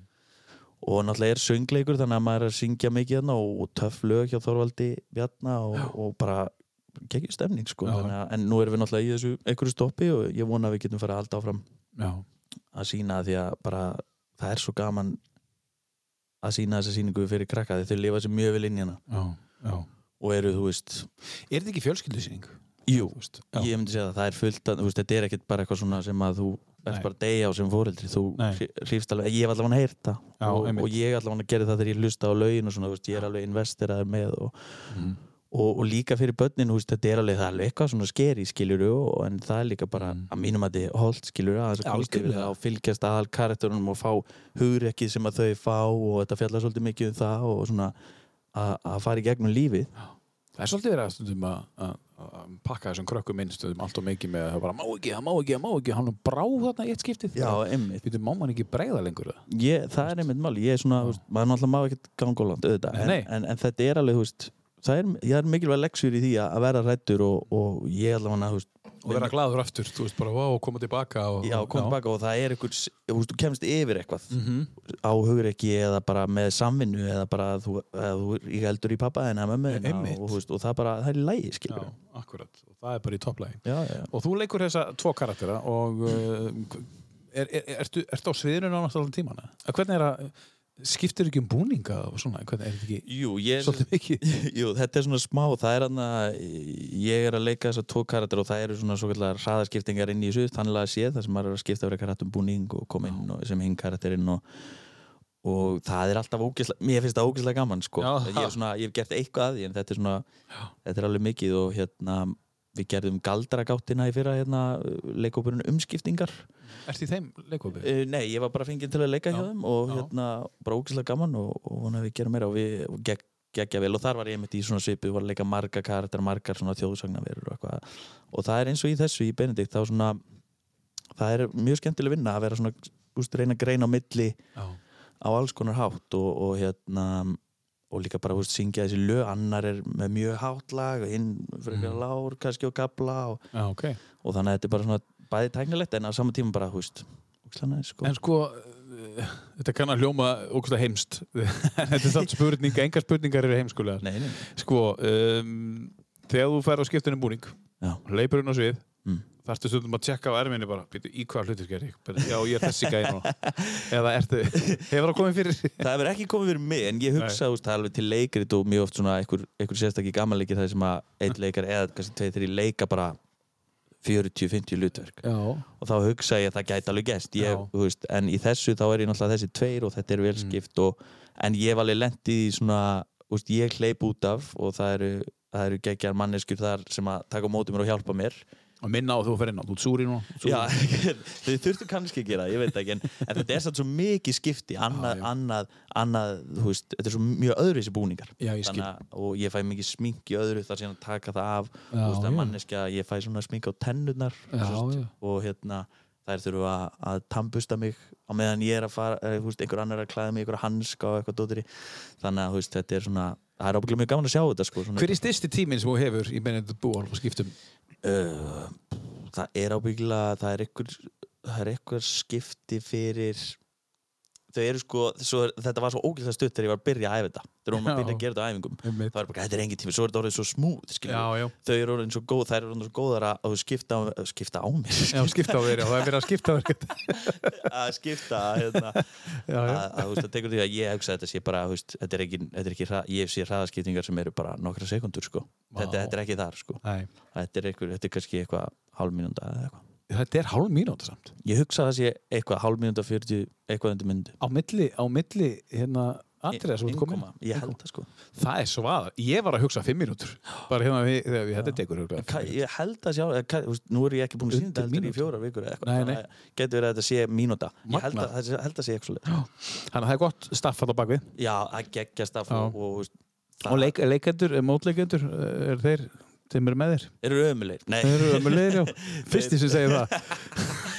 Fyrsti sem er reynskilin. hérna. Nei, Nei. þetta er indislega og þetta er einmitt, þú veist, maður lendur oft í einhverjum hópum sko þegar maður er að vinna það sem er svona eitthvað drama og eitthvað, veist, já. kjátaði og það er náttúrulega bara öllum vinnustöðum ábygglega en, en þessi, þessi hópur er bara búin að vera bara mjög Mhm. smúð og geggjað eh, bara allir á leiðin að gera þetta verkefni og gengið ógislega hratt og hérna bræðislegt og allt fólki á baku er yfirleitt sko mér er svo gaman að, að kynnast þeim líka. Oft, veist, oft er maður að vinna með leikurinn sem maður þekkir og svona skilur en, en hérna ég, veist, og þetta er, þetta er líka svo mikið vel það er einhver leikar á sviðinu og við erum að gera þetta og það er bara erfitt og töff skilur, en ef það væri ekki þetta fólk að skipta á mér Já. Axis, þá væri þetta bara bullshit sko. Bullshit. þannig að ég er allir jafn mikilvægir í þessu og maður þarf að munna Já, þeir eru búin að koma hérna uh, Þorvaldur Gratni er búin að koma og, og Átni Beinteinn er búin að koma hérna í, í settið. Ok, þannig að hérna þeir mæra eh, mótleikara sína sömulegis og það er sérstaklega Átni Beinteinn sem, hann er leikari en, en Þorvaldur Bjarni alltaf talað um að hann hafi breytt tónlistinni mikið og ímyndist annað. Já. en þetta er frábært verk, uh, Byrjandi Búólur og hefur fengið uh, æðislega dóma. Takk fyrir það, ég er mjög stolt frá þessu. Já, ég myndi vera það. Og, og hérna, svo bara vonandi kemur það í ljós hvort að verða fjóru síningar núna um helgina ekki. Við setjum á 20. apríl 2021 já, já, Þannig að við erum að tala um verður síningu um helgina, það kemur allt saman ljós. þetta er bingo sko Já, herðu, við ætlum að vinda okkur í næsta lag. Uh, hvað, hvað við að fara að taka næst? ég myndi bara henda núna í Ray Charles Já, já, já. já, This Little Girl of Mine ég veit nú reyndar ekki á hvaða plötu er ég held þetta sé okkur að plötu þegar ég er að setja já. En, en sko, aftur, uh, þú spilaðar á hann Bob Dylan já, og svo spilaður að þú ert líka búin að spila sko hana hérna uh, Janis Joplin. Mhm. Og núna Ray Charles. Nei, þú ert svolítið þarna old school svona þessi gömlu góðu. Algjörlega ég, ég bebop líkur. veit ekki hvaðan ég náttúrulega ég byrjaði að hlusta Ray Charles held ég út af myndinni. Ray Já. sem kom út af Ein frábær mynd. og ógeðslega vel leikinn hann hjá Jamie Foxx. Uh, og ég, þá fór ég að hlusta á hann að því að bara hvað gæi er þetta? Já. ég vissi alveg á hann skilur þetta eitthvað blindur píónuleikari ég bara ok, ok, ok. En síðan úst, fór ég að bara hlusta virkilega mikið á hann og þetta lag til dæmis er svona alveg ábygglega ábygglega frækt skilur ekkert semt sérstaklega Nei, en, en þú veist, það er eitthvað, ég hlusta mikið á hann bæði, að mér er svo gaman að hlusta eins og þú veist, þessi hressulög hans og svona, þú veist, það sem er bara geggjað stuð, þú veist, en svo er hann líka svo sorgleg, eða getur verið svo Já, sad, skilur, og þannig að taka þessa blúsa og þessa bara Já. Virkilega djúpu Já. pælingu, þá, það, það eru lög sem ég hlusta sennilega meira á meðan veldi þetta, en þetta er svona, ég hef bara geggjað stuð að hlusta þetta. í hvaða gýr ertu núna þegar þú heyrir þegar þú, þú heyrir í, í Charles hvað ert að gera þá?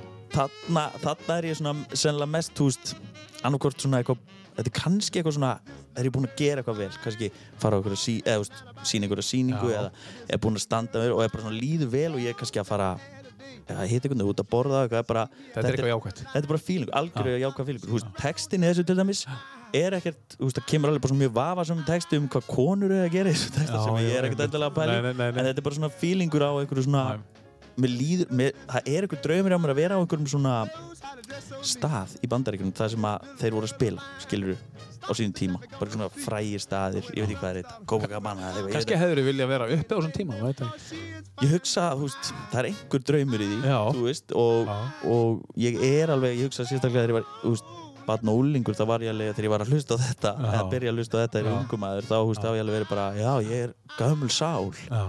og það geti alveg verið, sko Það geti alveg verið. Við ætlum að heyra aðeins bút úr þessu frábæra lagi sem að heitir uh, This Little Girl of Mine Mary Ray Charlson.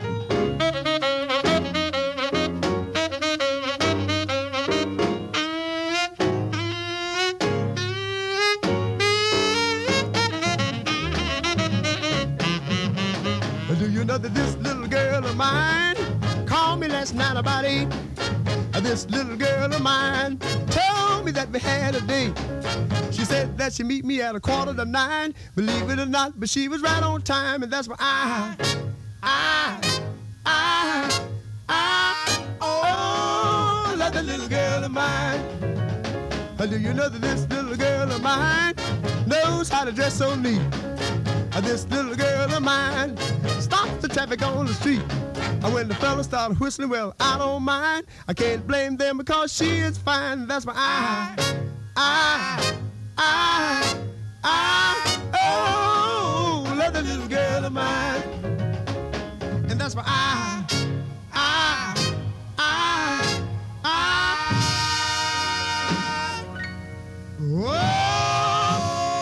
Ray Charles, frábær.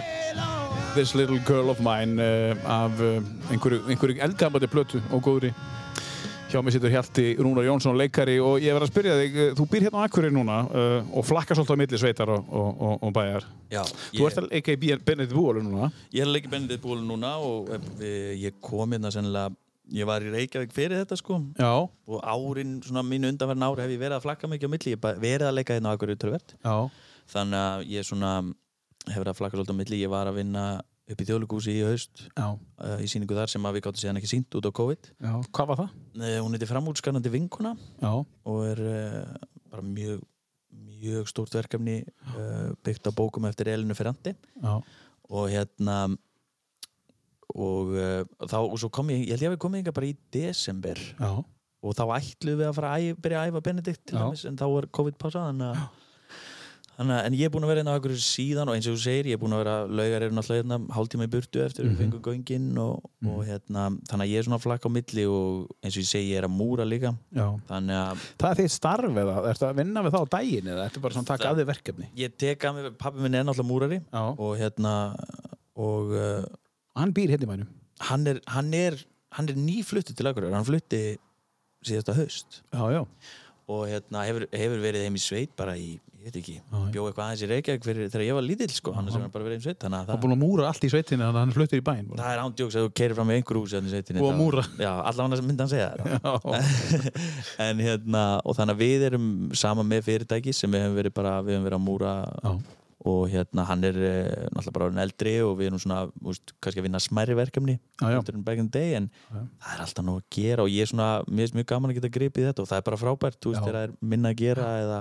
eins og núna erum við byrjað að sína þá er kannski minna að gera á daginn og eitthvað svona og, og uh, við erum svona mest búin að múra bara heim í sveit Húsavík og eitthvað svona nær, nær En leiklistin er alltaf, ef það kemur eitthvað, þá bara, þá leggur þið frá þér.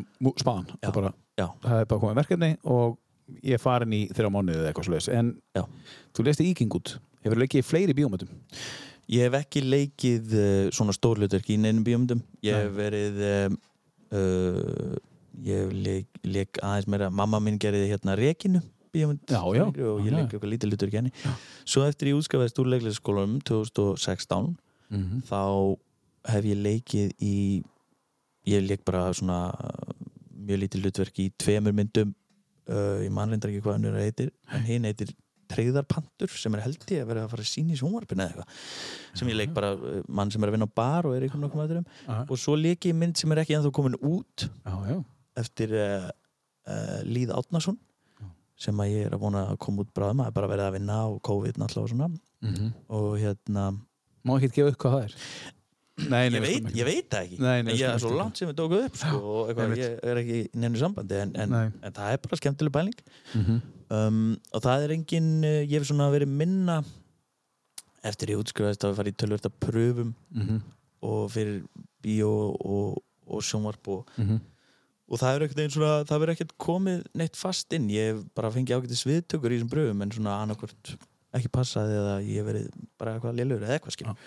En bíósvið, ef þú fengir að velja ef þú fengir bara alveg að velja þú, Mm. og bíósvið ef það væri þú veist, tvö verkefni, já, sem væri bara eitthvað þessi bíómynd, þetta svið, Já. það veist þetta leikrið það fyrir náttúrulega 100% eftir verkefnum skilur en svona í grunninn þá Að lifa á því, getur haft gó- góða tekjur á báðu já, ég veit já, En er sviðið, tö- tökum það eins Mhm. Þú ert að vinna svolítið mikið bara 15. fyrsta lögadag Stundur sunnudag bíómyndir, þú tekur þrjár vikur, fjóra vikur, þrjá mánuði Mhm. og frí fjóra, fimm, sex mánuði, þú veist. Já, þetta er náttúrulega, þú veist, segjum að ég væri bara með full on alltaf eitthvað að gera Alltaf eitthvað væri að gera. eitthvað, væri bara eitthvað hitti í gangi og, og þá væri, þú veist, þá ert að vinna í leikhúsi mánudag til sunnudags. Já, það er svo leiðis Já, þú veist, eða þá ert að æfa þú ert aldrei að sína mánudagskvöldum kannski sína þriðudagskvöldum en annars ert að æfa alla virkudagana Mhm. og sína um helgarnar sem er, veist, rosa mikið vinna. Um, og, en fyrir mér eins og staðan er mér í dag ég vil bara vinna, skil, mér finnst það ekki ógeðslega gaman, ég er Já. ekki fjölskyldumæður nei, og veist, það er bara svona ég er bara þar, nógan tíma. Nógan tíma. Að gera bíó líka hellingsvinna og sérstaklega með það að gera hana en, en, hérna, en það er, það er ábyggilega meiri peningur í bíó ef þú- ef hefur mikið að gera því, sko, myndi ég halda. Ég bara veit það ekki. Nei, en um, sé- sérstaklega að fara út og það er náttúrulega möguleikar á því að fara út frekar meira eða þú ert í myndum. Já, skilur, einmitt. hérna heima. Já. En þú hefur nú, þú bjóst út í, í, í hérna, eiginni í Danmarku hérna, í eitt ár, nei, eitt, eitt sumar. Eitt sumar. Var það ekkert eitthvað svona sem langar, hefur ferðastu mikið, ferðið mikið erlendis? Eða Eh, finnst þið bara best að vera heima? ég, það var eitthvað sveitakall í mér ég var yngri sko, mér fannst það ekki mjög spennandi að ferðast. Ég var líka bara frekar flugrættur sko. Ég var eitthvað svona, nei það er ekki fyrir svo byrjaði ég bara að ferðast bæði út af þessum bíómyndum að fara á þrjófa bad Já, og, uh, og en við vorum ekki mikið sem fjölskyld vorum ekkert mikið að fara, við fórum einu sinni til Kanari eða eitthvað svo já, en svo fer ég að ferðast bara eldri og, og núna í setni tíð finnst mér ógeðslega gaman. Ég bara rétt fyrir COVID, bara að COVID loka öllu var ég út í London í leikhúsi og eitthvað að skoða leikhús og, og þú veist, ég er bara alveg, ég er núna það er alveg komið á óvart núna, ég, bara, ég get ekki beðið eftir að fara einhvert já, og, og það er alveg komið á óvart. Ég held að ég er ekki alveg svo, típa sko. En það er líka komið tími að, að það er pínu búið búið að svifta mann frelsinu að fara. Já, já, og það er bara þegar maður fær það aftur já, og þá kannski þarf ekki að drífa það út. Þú ert allavega komið frelsið, ég get farið. Já, já það geti verið það sko. Algjörlega, ég hugsa, ég hugsa að þetta sé þannig og, og þú veist, mér langar bara fara alveg og ég hef alltaf haft mikið áhuga svona, að skoða að búa í Erlendis og, og, að vinna Erlendis er bara, þú ert alltaf bara að kynast nýju nýju fólki líka Já, í þessu djófi og, og veist, það er fleira fólk og, og þú veist, skemmtileg vinna. Já, og ábygglega leðilegt fólk líka og leðileg vinna. Alveg bóttið sko. En við það. bara pössum okkur að taka það ekki að okkur. Nei, nei, nei, við erum ekki því. Þegar við skulum hendi í lag og, og hérna, fara síðan yfir í svona, hvað, draumastaðin eða erlendis ef þú fengir að velja stað erlendis. Hvað hérna eigum við að taka? Sko, ég hugsa að við ættum að fara núna í að því að við erum að fara svona erlendis í Say It To Me Now Say it to me now. Hver er það?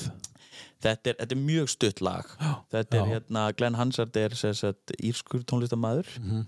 og hann var í, hann gerði hérna ja, ég veit ekki alveg hver gerði þessa mynd þau gerði mynd Mm. uh, sem að hann leki í og, og þar, þetta lag er í henni og lög eftir hann og hérna Mark, ég held hún heiti Marketa Írglófa eða eitthvað svo leiðis og hún býr á Íslandi í dag. Nú, Já, og bara síðan að frekar oft í Reykjavík. Og þau Já. eru saman alveg geggju og sundur líka. Mhm. en þetta lag, hann er einn í því. Og hann er, er að greinlega var böskari í Dublin eða eitthvað. Og spila bara fyrir pening á gutunni og, er, þetta er þannig lag. Ég sé hann einu sinni live og þetta er bara einhver styrlaðasta rödd og svona, eins og við talum á hann, svona tilfinning. Já, þetta er bara, þetta er smá brjálæði Já, sko, en, en hérna bara algjörlega geggja kassagítars brjálæði sko. Þetta er, er að tekið þessari plötu Once, uh, bíómyndinu Once Bíómyndin heitir Once og Já, þau Once, sömdu já. þetta lag ég, þetta er ábygglega eitthvað lög, ég veit ekki hvort þau eru bara saman fyrir það og myndin er mjög svona, en það er líka orðin söngleikur ég núna sem heitir Once sem er, Þetta er alveg svolítið stórt núna þá. já, bísna stórt sko. Já, já. Ok, þetta er Böskari uh, sem að er orðin uh, já, sem að þú hefur séð live ég sá hann live Já. á NASA á NASA, já Glenn Hansard, Say It To Me Now þetta er af tíulega listanum hans hjálta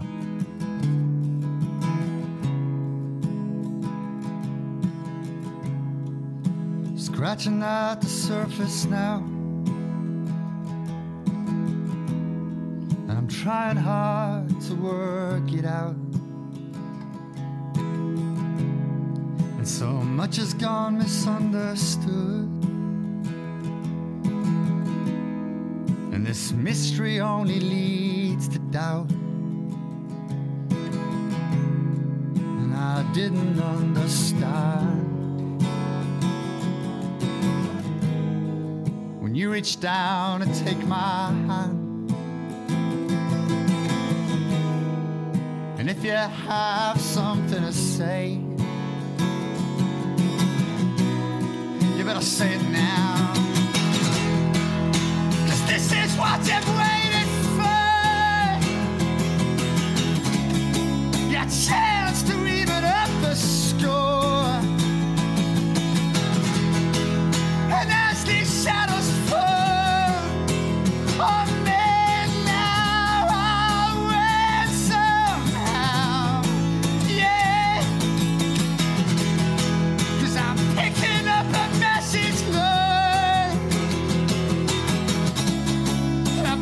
Þessi gæi bara pikkaður upp á götunni, eða ekki? Og bara, þú veist bara, herri, þú ert Þú ert flottur Ég hugsa, hann er náttúrulega, hann er náttúrulega engin popstjarnar skilur en, Nei. en veist, ég veit ekki alveg hvernig kemur til að gera þessa mynd og Nei. hver gerði hana en þau náttúrulega eru til og með til Óskarsvæluna saman fyrir, og vinna, þau vinna Óskarsvæluna fyrir, fyrir aðalæði þessar mynd sem ég held að heiti bara One, sem hann ekki, eða. Falling Slowly já.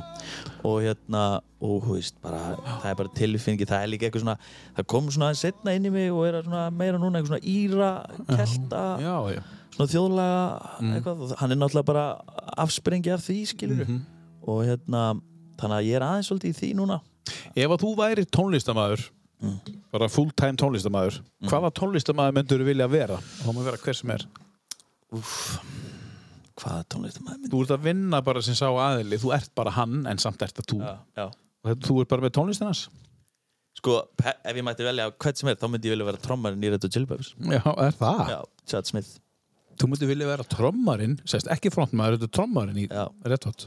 Ég er alveg þar og ég, það, ég er þar ennþá, ég var þar ég var krakki eins og var svona að koma aðeins inn á mig svona frontmaður eitthvað verið eitthvað kannski var ég bara rættu við það en, Já, en nú veist, síðan hef ég sungið miklu meira kannski inn í setni tíð en, en bara það er eitthvað, það er eitthvað þéttleiki í honum uh, mjög þéttu trommari og bara svona mér líður einhvern veginn vel þú veist, já. ef ég er að spila á trommur og vera eitthvað svona að vera eitthvað grunnur. Hvað heitir hann? Chad? Chad Smith. Smith. Feiknalega, feiknalega góð trommur og það er mikið, það er mikið búið að grínast með hann núna í Hollywood og í Ameríku hann er sem er líkur uh, Will Ferrell, þeir tóku eitthvað drum off og eitthvað svona dóttir í. Bara líkur í, já, hann er ekkit ólíkur. Hann er mjög líkur honum sko. Já, en hann er svona já, algjör, algjör græðir sko. já. Sjá hérna, við erum með uh, vídeo hérna, þar sem hann er að slá trommundar hérna Þeir eru ógæslega líkir alltaf já, þeir eru mjög líkir sko Hann geti alveg leikið hann sko hann, hérna. 100% Já. sko og þetta var, þeir voru með eitthvað svona drum off í ykkur þætti fyrir eitthvað charity og Já, eru búin að vinna aðeins með það en hann er hann er líka bara, hann er svona í þessu bandi já, af þessum fjórum, úst, flýir, úst, klikkaður og Anthony Já. Kiedis er úst, bara ekkert eitthvað frábær söngur en svona einhver brjálagur, kynferðislega, brenglagur gæi og John Frusciante eitthvað Kynferðislega? Nei, hann er ekki brenglagur, hann er bara, ef þú hlustar til dæmis á kannski aðeins minni í textunum þeirra núna Já, en, ok. en ef þú hlustar á textana þeirra sem er einmitt eitthvað textar sem ég vil hlusta á? Já, eins og Blood Sugar Sex Magic er bara það er bara verið að tala um að að ríða og njóta sko. Já, já. þannig að þetta er sko og hann er svona bara eins og ég segi, hann er eitthvað svona, er Detroit bara chillaður, hann er náttúrulega alveg rugglaður og keirir um mótur og eitthvað en hann bara fæ sér bjór og, og þeir hopp um og hann er bara feitur bítur á bakvið sko. Þessi gæi er í hérna, þú, þú hefði vilja af öllum tónlistamönnum í heiminn sitt í þessu sæti Já.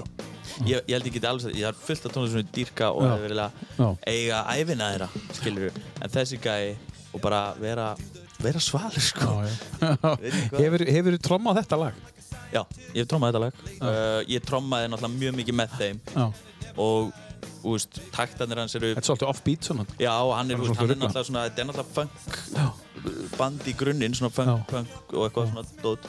Og hann er alveg þar og hann er náttúrulega líka geggjað að spila með flý ef þeir eru að Já, já, já. þú veist, blanda sér saman þú veist, það er bara mjög þétt. Þannig að ég, þegar ég var upp á mitt besta þá var ég ná að spila flest lögin bara frekar vel. Já, þeim, sko. Já, já, en þú veist, svo þegar hann er að spila live þá gerir hann fullt af lögum sem ég get Herru, en talandi um að hérna, þú ert með hérna, hennan lista og, og, og svona tónlistalegt uppeldi, nú, nú férstu sko, nú var pappiðin eitthvað að- spila og mamma henn er, er hérna leikona. Mhm. Um, þú kynnti svolítið tónlist í gegnum bróðin, hann Eyvind. Já. Um, er eitthvað sem kemur þetta í gegnum mamma og pappa? Ég hugsa sko, veist, pappi, pappi var, er mikill leikari sko og hann er ekki læruleikari en mikill uh, leikari og var mikið áhuga leikfélum, hefur leikið í nokkrum bíómyndum og svona, ekki, Já. ekki störstu hlutverkin kannski en, þannig að en, hann svona tónlistalega hef ég aldrei, veist, jú, ég er að ruggla sko, mamma, ég fengi sennilega mest frá mömmu minni þú veist, þessu hippadóti Já. og því og rappið var kannski það sem kom inn svona snemma frá mér, bara frá Já. Mhm. utan að koma til náttúrulega en ég pikkaði upp. Bróðið minn hataði skilur, Já. ég var bara eitthvað, já, ég ætla rapp og bróðið minn kemur inn í, mér inn í þetta meira fólkstemningu. Og, og það, en, en pappi fer síðan sko núna í setni tíð þá er veist, pappi mikil svona þú veist, kvæðagur og gaman að hann ja. man eitthvað kvæðum, hann er ekki mikið að- sjálfur sko, nei. En, en og þá ég svona eldri íslensk lög fór ég eitthvað að pæli aðeins meira svona í sambandi við eitthvað ljóð sem hann var að segja frá og eitthvað svona dóttir í og svo eigum við og saman okkar tónlistamann sem heitir Ási í bæ ég veit Já, já, já, já, frá Vestmanni Ási í bæ, maður. verðum eiginlega að spila hann, fór Já. ekki á listina menn ég var mikið að pæli. Ási í bæ, maður Ási í bæ er á Spotify og Já. það er plata sem ég og pappi þegar við erum að keira eitthvað að fara að múra þá getum við ekki að hlusta á þessum plötu sko. Þessi plata hér Eitthvað sérstætt lag segjum að ég, ég myndi spila bara hérna, ég myndi spila bara Anna Mari til dæmis að lýsir ágætlega Ása í bæ, það er hérna nummer 8 Já, Anna María Er þessi, þetta er eigamæður Já, þetta er algjör eiga bara sjómaður sko, Já, legend og hann semur uh, ég veit þú kemur til dæmis er lag eftir hann. Samdi hann, ég veit þú kemur. Já.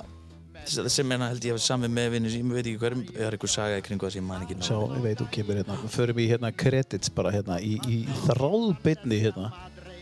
Hvað er það? Olger Kristjánsson. Já, Olger Kristján, þeir eru góð. Þetta er, held ég, einhver sagði mér að þetta væri sérst, að ég held alltaf að þetta væri eitthvað ástalag.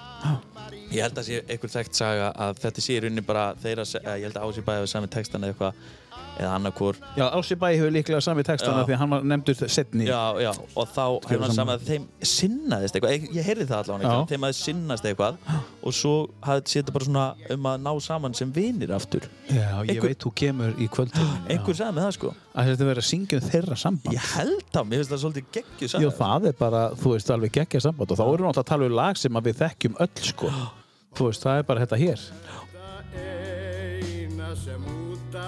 sem við þekkjum náttúrulega með Elli Vilhjáms Já, já Hann er hann að syngja það sjálfur, mestari þetta semdu þeir bara. Já, þeir bara hentu Þetta alveg bara. Ég held þetta sé sko, já, þeir hafa verið bennir um að semja þjóðutölag Ég held þetta sé eitthvað tengt Já, já. En ég veit það svo sem ég, ég geti verið að fara með alls konar kæfta þetta Já, já, það er bara flott. Skulum ekki dáta, uh, sko, góða sögu vera ónýta fyrir sannleikunum. En líka fyrir sannleikan. Herðu, en, en þetta hefði geta verið inn á listanum. Já, fullt að lögum þannig að við hlustum mikið á þetta Þetta er, þetta er náttúrulega sjúklega komísk sko,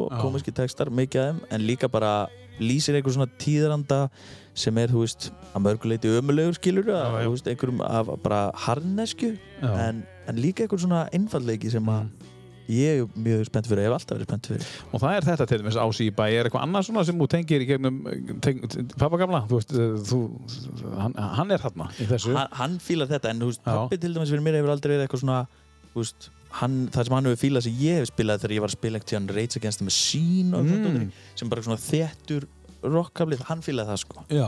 en hann alltaf var bara í öllu og hann er sko fættur 49 þannig að hann Já. er inn í öllum þessum bara öllum föt, þegar, þegar allt fyrir að koma til Ísland skilur bíklið og, og allt þetta Mhm. og er uh, mikið bara á ballónum og svona þannig að hann, hann fílaði það, hann er ekkert mikið að setja, henda plötu á sko Nei, hann er ekki. allavega ekki svona í menningunni sko Nei, nei.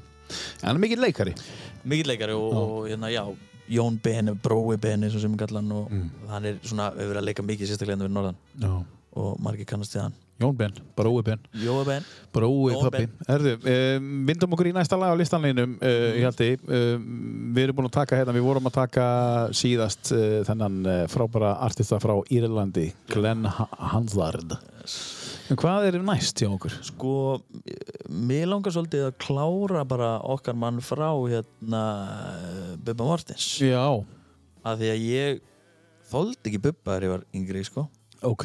ég var bara eitthvað svona að- að- og líka kannski stöf sem hann var að gefa út þá var, ég veit ekki þegar ég var in the 2000s var kannski- Býtu, og, uh, það er hérna Sóla Morni og, og þetta... Já, eitthvað, svona, eitthvað sem ég var kannski ekki að fíla þá. Nei, en svo fer ég alltaf inn að pæla ég viss alveg hann hefði verið lengi á og og eitthvað.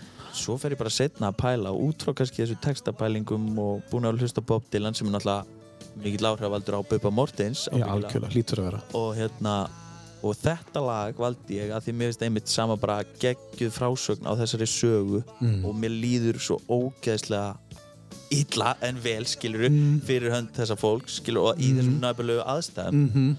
og hérna og bara hvernig hann syngur, hvernig tónlistin er þú veist, það er bara, og svo ef ég, þú veist, ég hef geta sagt fullt af dóti með honum anna en uh, þetta er einhvern veginn svona, hann er, hann er bara, hann er, hann er svo mikið leikari í rauninni, sko. Fórstu að kafa svolítið eftir þú kynntist honum, uh, fórstu bara að kafa þá í gömlu góðu, gamla, gamla góða stöfi hans og, og Já, ég held að einhver hafi gefið mér einhverja sko, hann, er náttúrulega búið að gefa út einhverja svona plötu sem heita Sögur og Já. svona frá Einmitt. 80 til 90 Einmitt. 90 til- og ég held ég hafi fyrst fengið sko 80 til 90 plötu Já, ég skil. og hérna þá fór ég virkilega, ég bara hlust, rendi henni bara alveg í gegn Mhm. og, og hérna, það er á henni líka einhver svona tvö lög, þrjú lög sem hafa aldrei komið út sem voru eitthvað svona upptökur í bara. Já, eitthvað svoleiðis Mm. og þá fór ég bara, þú veist, að vi, þú veist, ég held ég hafi bara ekki verið að tengja við, að því að þegar ég er úlingur, þú veist, þá er Bubbi í já. og þá var ég bara svona, "Hva- hvað er gæði, var ekki alveg að tengja við þetta, svo er ég svo mikið á þessum eitthvað svona rebelpælingum og hans, já.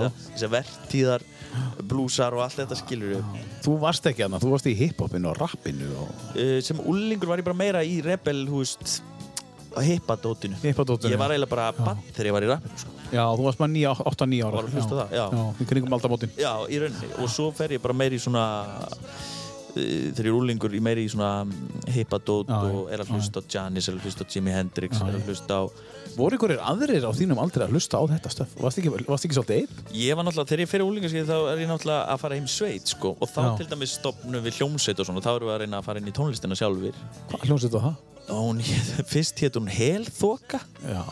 Spilaði bítlalög það var ógeðslega fyndið. En svo hétt hún alls konar nöfnum en, en við gerðum ekki neitt mikið. Við vorum eitthvað, þá var rock.is svo stórt dæmi. Og þá var náttúrulega indie brjálaði í gangi á Íslandi og, og allt þetta. Og hérna við svona vorum meira, ég var í bandi með þremu vinnum minu uh, Flusa, Jóa og Go-Go og þeir, þeir hérna þannig komið gott nafn bara á band. Já, okay, Flusi, Jói og Gógó. Flusi og Go-Go og þeir voru, þeir voru miklu metalikumenn til dæmis. Já, og ég var að hlusta á hipalög og svo bara Red Hot Chili Peppers. Og þeir, einmitt eins og að spyrja, þeir voru ekki held ég mikið að hlusta á þetta, þeir kunnu kannski alveg að meta Já. en þeir vildu bara fara meira í eitthvað held ég, eitthvað metalíku pælingu á þeim tíma. Þeir eru allir frá að hlusta á eitthvað annað í dag held ég. Já, já. en, en, uh, en þú veist, þá, þá var bara, það var bara svona stalemate einhvern veginn, við Já. vorum ekki að fara að gera tónlist að ég, var bara, ég hataði metalíku sko. Gerir enn í dag það? ég hef alveg hlusta meira á það, ég hata engan tónlistamenn í dag, Nei. en þá var ég svo harður á það, ég var bara eitthvað aldrei að fara að hlusta þetta er ömulegt, Já. og ég var líka trommari og Lars Ulrik er náttúrulega mjög sko, umdeildur trommuleikari. Hann, hann er það sko. þannig að, og fyrir mér, ég finnst hann ömulegur sko, mér finnst hann ekkert eitthvað frábært Hann er engin Chad Smith. alls ekki, hann er ekki, þeir eru náttúrulega bara öðruvísi en á saman tíma, þú veist hann er tæknilega alveg fýll, hann bara, finnst hann bara vera svo stamur það Já, er bara hann er stamur, ekkert, já. ekkert flæði hann sko. Við skulum heyra hans þetta lag hérna sem að þú tókst með þér í, í þáttinn. Agnes og Friðrik lag eftir Bubba Mortens yes. á plötunni Ísbjarnar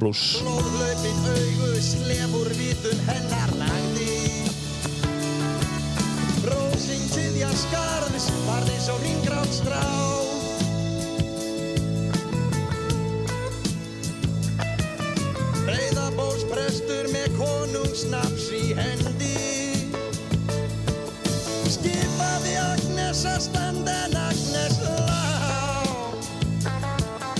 Yfir vald blöndal böðlinum brenni vingsendi Til að bæja efanum sálu hans frá Tjalandi eins og smá barn á dauðan starði Með afli þeir létu hana krjúpa fótinn hans sjá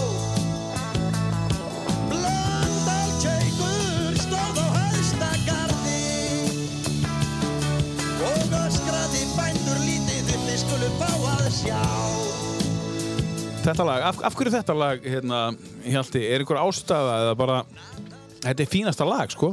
Þetta er mjög gott lag, þetta er, þetta er ekki kannski ekki besta lagið en, en að mínu, eða, þú veist, að mínu viti en, en það er eitthvað við söguna í þessu. Já. ég var að hugsa þetta þegar ég setti Bob Dylan inn. Já. um eitthvað svona texta einmitt, sem eru bara sem láta mig bara líða eins og sé það og, og ég sjá þetta það er náttúrulega búið að gera með þetta um Agnes og Freyrik og Já, einmitt. þetta er staður á Íslandi sem maður kerir oft framhjá og Hvar er hann?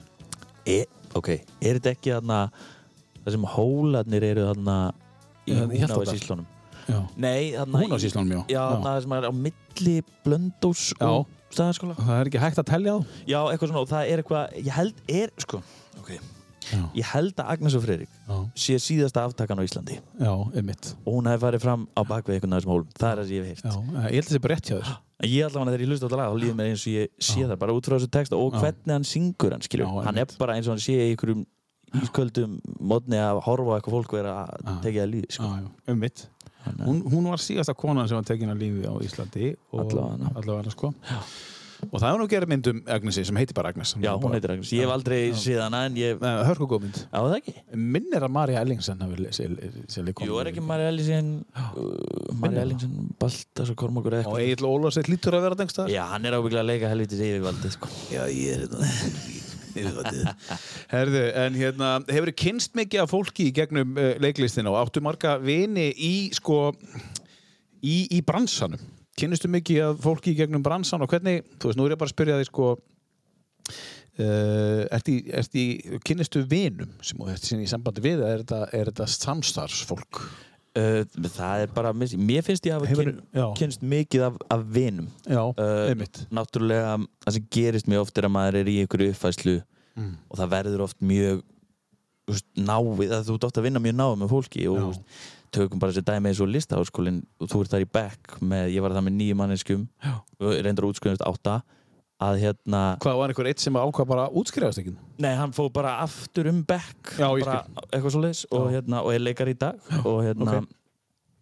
uh, og við, veist, við eruðum bara við fórum að kunna inn á hvert annað held ég allan frá mér séð bara, þú veist, kunna inn á hvert annað mjög mikið. Við eruðum ekkert bestu vinir, suma okkur eru mjög góðu vinir Já. en veist, ég var ekkert besti vinur allra en, maður er einhvern veginn svona lærir inn á alla og nær bara svona tengingu sem hún nærði ekkert nema á sér bara, þetta er eins og þessi skil. en svo fórum við bara í burt og við erum eitthvað í miklu sambandi í dag. Þetta er nú kannski oft þannig með sýningar að því maður verður með náinn með að maður er að vinna Já, og þú ert að vinna kannski eitthvað, kannski eitthvað drama sem bara, þú veist, þeir eru að ræða tilfinningar og, og náttúrulega flestir mjög svona opnir einstaklingar og svo bara, þú veist, er það búið? Það er rauninni grunnurinn af spurningunni sko. þú veist, þið vinnir svo náið saman. Já. þú veist, í svolítið langan tíma og ef þetta er vinsal sýning þá getur þetta ekki fleiri, fleiri mánuði.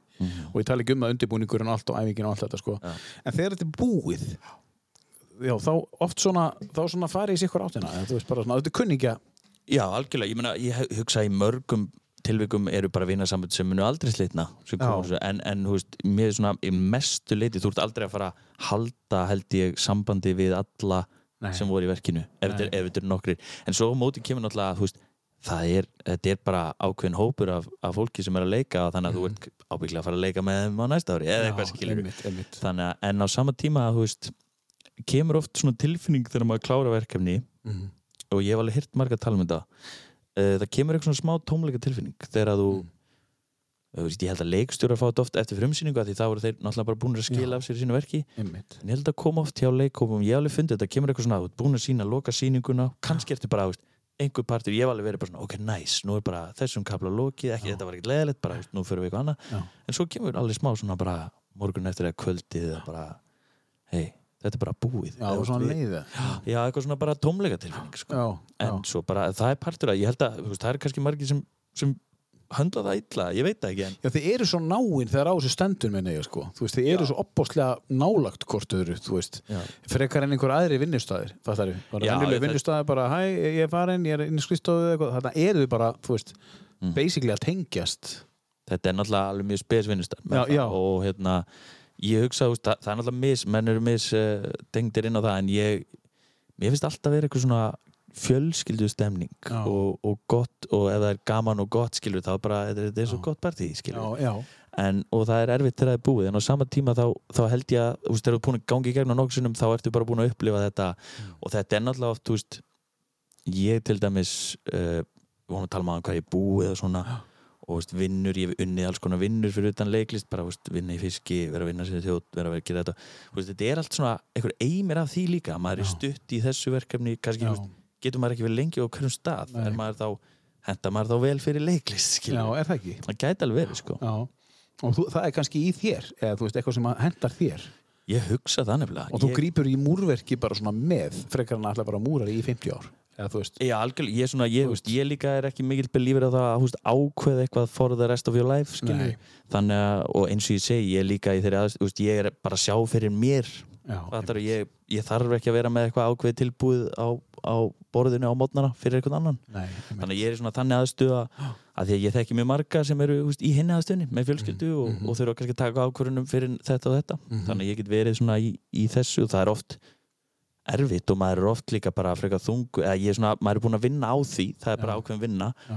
sem var sérstaklega nýjútskrifaður þá svona var svona fylgdi það ákveðið þunglindi fyrir mig að þú veist, ef það var ekkert að gera Já, og þú veist, ég hafði kannski áhyggjur af peningu líka en það var bara allt annað sem kom bara eitthvað, ég er umlur eða eitthvað, þessi, þannig að svo hefur maður bara unni með það bæði veist, og þá um leið að maður fór að vinna með það þá fekk maður líka aðeins meira að gera af því að þá fór maður bara að fá meira sjálfstrust og Er þetta ekki eins og bara allt annað? Ég meina, stundum færði ekkert í lífinu, alveg sama hvað það er. Svo kemur bara allt sumu vikuna. Það er bara Jú. 15 e-mailar bara, getur gert þetta og maður bara, herri, það er ekki búið að vera eitthvað neitt algjörlega, það hefur eiginlega alltaf verið þannig í mínu tilvilli Já, það það er, ég held að lífið sé svo. Já, ég hugsa að flestir hafi upplifað á einhvern tíma ég ætla að það verður aldrei neitt komið bara eitt Nei. það kemur alltaf ekki eitt og svo daginn eftir eitthvað annað Já. stundum er það þannig að maður getur bara gert annað það er mjög fyndið þegar maður er ekki búin að gera neitt í tvo mánuði Já, já. svo bara gæru getur verið þessu bara já, ég get verið þessu daginn eftir kemur bara eitthvað en í þessu bara. En sko, hef, ertu komið eitthvað í hendurna núna? Er einhver bíómynd framöndan? Ég veit að það er COVID, en það hljóta samt að koma tilbúð. Það hljóta að koma einhverjir e-mailar. Það stoppar ekki bara. Nei, alls ekki, það náttúrulega er, húst, ég er búin að vera meira í leikúsinu undanfærin Já. og það er bara þessi, það er þessi sýning upp í þjóðleikúsi sem að við verðum að sína bara, ætlum að sína á næsta vetri Já, og sem að áttu að sína síðast. Já. sem átt að sína síðasta haust, hún er að fara að samkvæmt planinu núna, við náttúrulega sjáum COVID en, en vonandi verður þetta bara að koma á góðan stað þá að þá á hún að vera jólasýningin held ég í, í þjóðleikúsinu og af allan að reyna að setja hann upp á einhverjum tímapunkti og, bara mjög spennandi Gæti þá verið uh, að þú yrðir á tveimur stöðum næsta haust að sína? Hér og fyrir svona. Það er alveg líklegt ef að, ef að við Benedikt menni. Ef að Benedikt Já, heldur ef að áfram. Benedikt heldur áfram þá er alveg líklegt ég, veist, það fer svona svolítið eftir hvernig við byrjum að æfa fyrir svona við erum alltaf búin að æfa tölvert að þeirri sýningu Já, þannig að við þurfum kannski ekki að taka heilt æfingatímbil en það er alveg líklegt og það hefur alveg oft verið raunin þegar maður er að leika hérna á Akureyri og fólk hefur að leika Akureyri að það er að fljúa um helgar til Já. að leika hér og Einmitt. kannski að æfa annað og, og eins og bara núna þegar við vorum að æfa Benedikt, þá var Vala Guðna sem er í því hún var að sína síningu fyrir sunnan um helgar og fljúa enga og virkum þannig að það gæti, al, gæti alveg gerskilu og það er náttúrulega bara þú veist. Það er hluti að jobbinu. algjörlega, algjörlega Já. það er partur af þessu og Já. eins og ég segi, ég er svona búin að vera meira leikus ég hef ekkert á móti að fara í bíó svona, það hefur verið róleira hjá mér undanfarnar mánuði í þannig tilbúðum og pröfum sko. Já. Er, er það ekki bara því að sá bransi liggur bara alveg niðri bara? hann, ég held að hann sé nefnilega búin að vera fullu. Nú er það? Eða, það all, það, ok, það kom reynda stopp í hann og það, var á, það er búið að reyna að klára ákveðin verkefni og svona, að, en það er fullt það er alltaf mikið spennandi hlutum þar og ég, ég fæ reglulega búðum að fara í eitthvað og svo er, veist, alls konar hluti sem dett inn, þú veist, ég farið í pröfu fyrir japanskar bílaauðlýsingar skilur sem á að sína í Japan og, veist, og það er alltaf Ichiban. já, það var þetta fáraleg pröfa ég var eitthvað að hlaupa um sem hund eða átti að vera hundur, ég skildi þetta ekki alveg skildi ekki alveg hvað það voru að byggja en Áttu að vera hlaupandi hundur í bílæðlýsingu? ég var eitthvað, getur þú þóst vera hundur? Ég var eitthvað, Getur "Eruð verið að þú ekki skilið hann. bara- Nei, sko, hún var íslensk Nú, Hún var eitthvað, þeir vilja sjá þig hlaupa um sem hundur Og ég var eitthvað, eru þeir bara að fokki mér? eða er- Getur þú hlaupið svo, hundur sem sumir get, gera? Ég gerði það frábælega Nei, ég, ég, ég get það ekki þannig sko. Ertu ekki, búin að leggja þessu? Nei, ég fekk þetta ekki sko. Það ekki. Þannig að maður er einhvern veginn búinn að fara upp í eitthvað herbygg ekstar í húst kópói og leika hund Svo kemur heim og er bara eitthvað Já, hérna, hvað er ég að gera? Var það pröfan eða sem hún sendið frá þér? Já, það var fleiri hlutur Þe, Já, ég, held, ok. ég held þetta hafi verið sko bara eitthvað svona annarkvort var einhver partur af auðlýsingunni þannig eða þá að þetta var eitthvað svona getur við látið hann gera bara hvað sem er. Eða sjáum hvernig hann er Já, hvort hann fari alla leið sem hundur eða eitthvað. Já, já, ég ég veit það ekki, en það fór einhverju leið spurning, ég held að einhver annar hefði leikit eða ég veit ekki. Veit ekki hver Þetta er allavega þú, þú, þetta fór ekki af stað. Nei, ekki á mér allavega. Þetta er undir, það er margt grillað í Það er greina engin dagur eins hjá okkur. Nei, og það er, það er bæðið að fallega við þetta en á sama tíma líka er maður stundum bara að ég er stundum vill ég bara vera og taka nokkra dag og bara múra þess Og þá ferðu bara í sveitina, sko. eða það, Það er þetta búið að múra allt í sveitinni, sko. Bara, Já, ég var bara svona dittað einhverju sko. Dittað einhver. Herru, tökum lag. Uh, við hefum hittan okkur eftir. Um, Já, ef ekki að fara bara í hérna bú, þetta eða þessi þrjú? förum bara í Tyler Childers Já. Stelpa eða kona? Þetta er, þetta er strákur. Þetta er strákur. Mm. Já. Eða bara ungu maður. Já, já. Og þetta er eitthvað sem fór að koma inn í límit fyrir sem ég held að ég, emitt, þegar ég var yngri hataði. Býtu hvernig? Þetta Bara- er bara, bara, hú veist, country. Þetta er country, Eða, þú veist, þetta er svona einhver, þú veist, þetta er ekki eitthvað svona pop country, eitthvað svona vinsalasta countryið. Mm. Nei. En þetta er svona aðeins dýbra... Fyrir blues country? Já, já, meina, meira Svona þannig. Chris Stapleton country. Í rauninni, sko. Ég hlusta Já. mikið á Chris Stapleton, sko, Já. og hann er náttúrulega orðin hjút. Og, og þessi gaur er alveg mikið hlusta á hann, en á sama tíma, veist, hann er svona, er aðeins dýbra, veist, eins og Chris Stapleton og aðeins svona meiri blues, meiri sorg í þessu, sko. Mhm. En þessi gaur, ég fjall alveg fyrir honum, ég held að sé röddin í honum og tilfinningin, sko.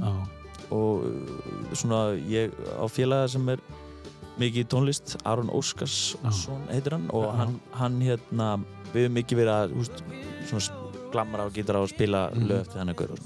Þannig að Já, eftir þennan gaur.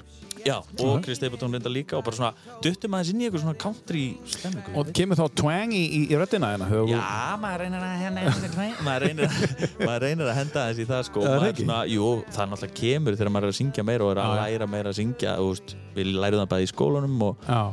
Svo held ég að ég njóta alveg góðs að því að hafa hlusta á alls konar tónlist Já, með að leika sér með röddina sko. Skulum heyra hans í hann og Tyler Childers Feathered Indians af uh, plötunni Purgatory. softly in my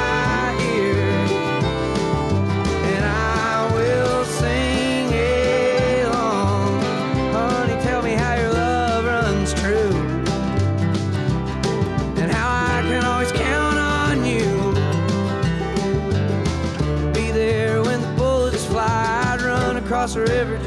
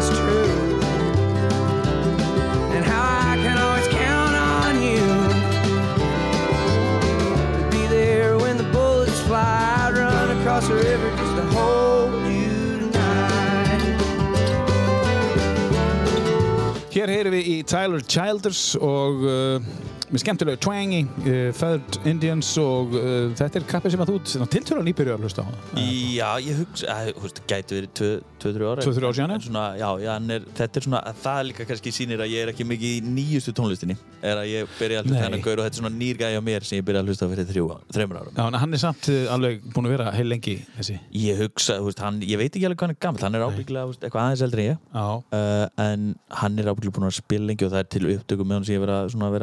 er veist, það hann eitthvað sko, sem eru það sem hann bara spila fyrir engan, ég held að hann sé tiltölulega svona nýlega árin eitthvað svona nafn sko Já.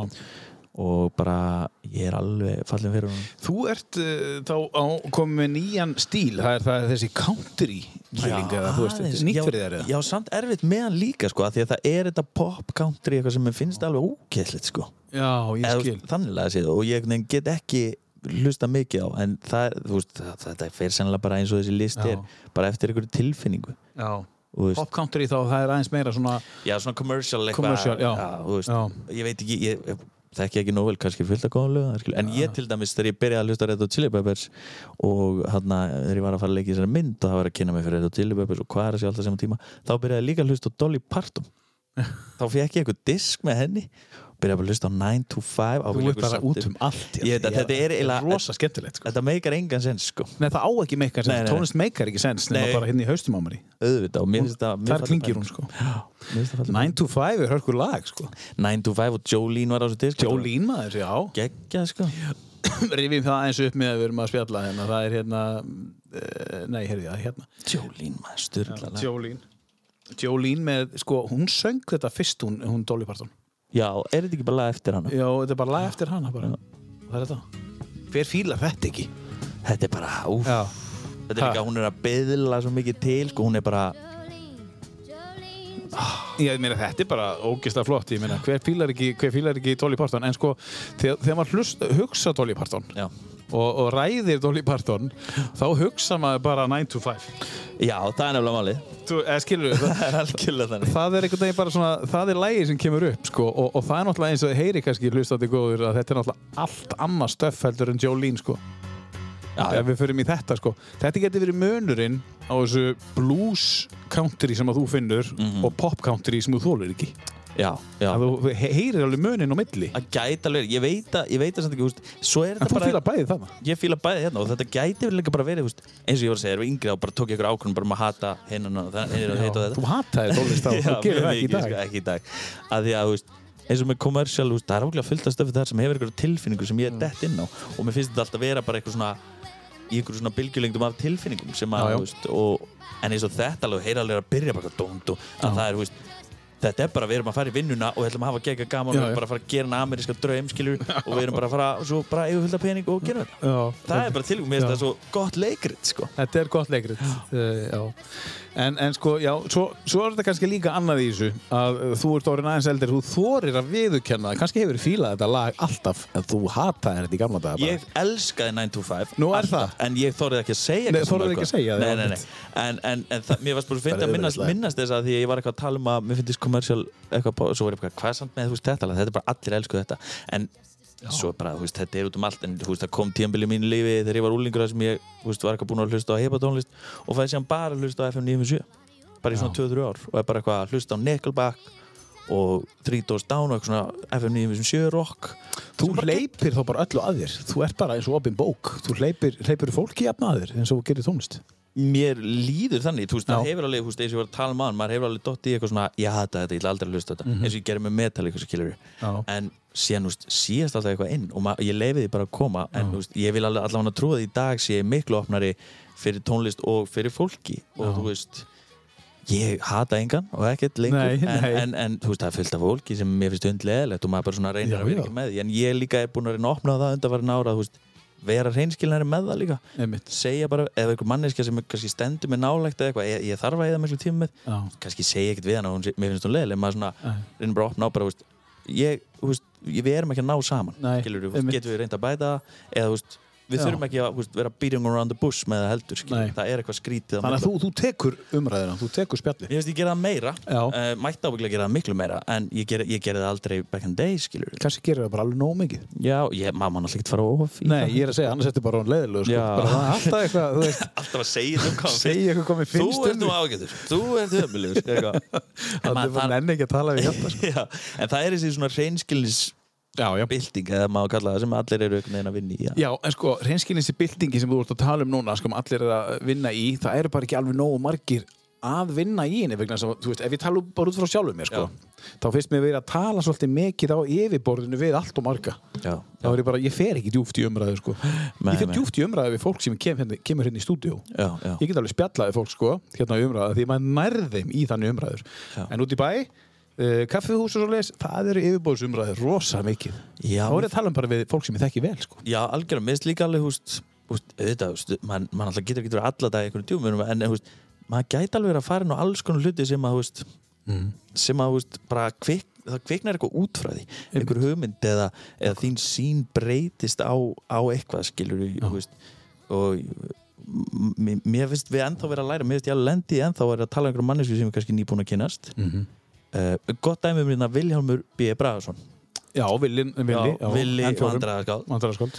Hann, ég kynntist honum í síningu sem ég gerði þess að galdragátt. Hann Já. er í umskiptingum og samt hana með þeim og við, við lékum í inni og við erum bara perluvinir erum bara mikið saman þegar ég sérstaklega er inn á Akureyri og erum að vinna mikið saman. En hérna þá, þú veist, það er bara hversu ég fór að tala við og svo bara opnuðist mér umræð og þá fór ég bara að hugsa öðruvís um alls konar hluti og þú veist, fór að opna meira og bara, heyrðu, já, þessi típa leikhúsi sem hann var eitthvað að segja um frá, bara, ég, ég fíla þetta bara, skilur, sem hefði ekkert gest hefði bara verið að spjalla um daginn og veginn, skilur, alltaf. Einmitt. Þannig að Villi er einstaklega sko, hann, hann hefur komið hinga líka. Og, og hann er alveg einstakur maður bara að tala við. Algjörlega sko. Uh, opbúslega vel máli farinn og, og, hérna, og er tilbúin að tala um bara hvað sem er. Bara hvað sem er og Hvað sem er. það er honum ekkert óviðkomandi sko. Nei, bara Villi, nú þarf ég bara, hann, hann er auðvitað þessi típa, ég þekki hann ekki það vel, þú þekkir hann betur, bara nú þarf ég aðeins að tala, ekkert mál, hvort í heimsókn. Og hann er alltaf með, veist, hann er líka alltaf tilbúin að íta manni, veist, hann er einn af þessum vinum sem er, já, blessunlega marga Já. sem er tilbúin að íta þér bara, veist kannaði þetta, hey, ekki skauta fram í þessu, þú ert á réttir leið með, með ef, ég er einhvern vandræð með eitthvað, Já. Og hérna, hann er alltaf til að benda á það og segir og það er þessi hreinskilin sem þú vilt hafa í staðan verið að vinuðin sé, þú veist, bara svona já, sjáu það en þú er ekki að segja það Já, eins og, eins og, eins og tónlistakennarinn í gamla sem að íti þér út í. Nákvæmlega, það, voru flestir í kringum bara veist, skiljanlega bara, ok, er að taka þennan ákvörðunum að kannski að hætta þessu leikdóti og fara að múra sem bara mjög solid. Já. hann bara fær fullt af pening fyrir það og getur bara unnið og bara lifa góðu lífi. Já. en hann sá bara, veist, og flestir kannski sáu það en þorði ekki að segja það, en hann sagði bara hei, hei, þú vilt ekki gera veist, bara, já, hann Já, já, algjörð legend. Og hann hérna, hann breytti bara á þeim mómenti, ég man þessu bara við vorum inn í einhverju rútu. Já. hann sagði það við mig og ég bara, ok, já. Og þá byrjaði bara, ok, ég fer, ég fer í endurkuprófi, Þá varstu farin í brainstormi bara, ok, þetta, er það sem þú vildir. algjörlega. Þetta er það sem þú þurftir að heyra akkurat á. algjörlega og auðvitað, auðvitað þarf maður bara að heyra eitthvað ákveðum Já. mómentum og kannski ekki að heyra það alltaf en, en hann var en með þetta. já, 100% sko Hörðu, frábært, uh, við eigum hérna þrjú eftir. mér langar svolítið að fara í í hérna uh, Beastie Boys. Já. og taka, taka það bara, klára það frá. Þetta lag er styrlað það er ekki langt. Nei, Nei herru, við skulum bara hlusta á það og tökum umræðinu eftir. já, það er spennandi. Já, það- hlustum á það.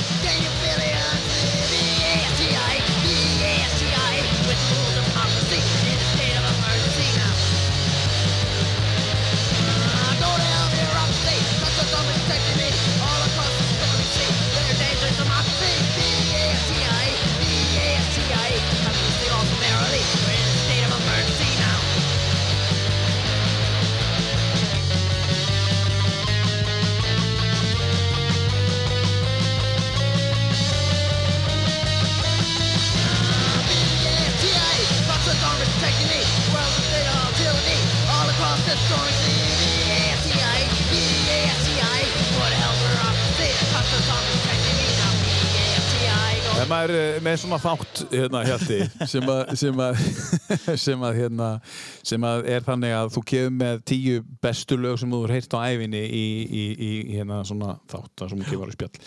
Þá verðið ég að spyrja uh, þetta lag. Uh, það, hver tengingin þín í, í þennan lista er frá þessu lagi? Það hlýtur að vera eitthvað, eitthvað amazing.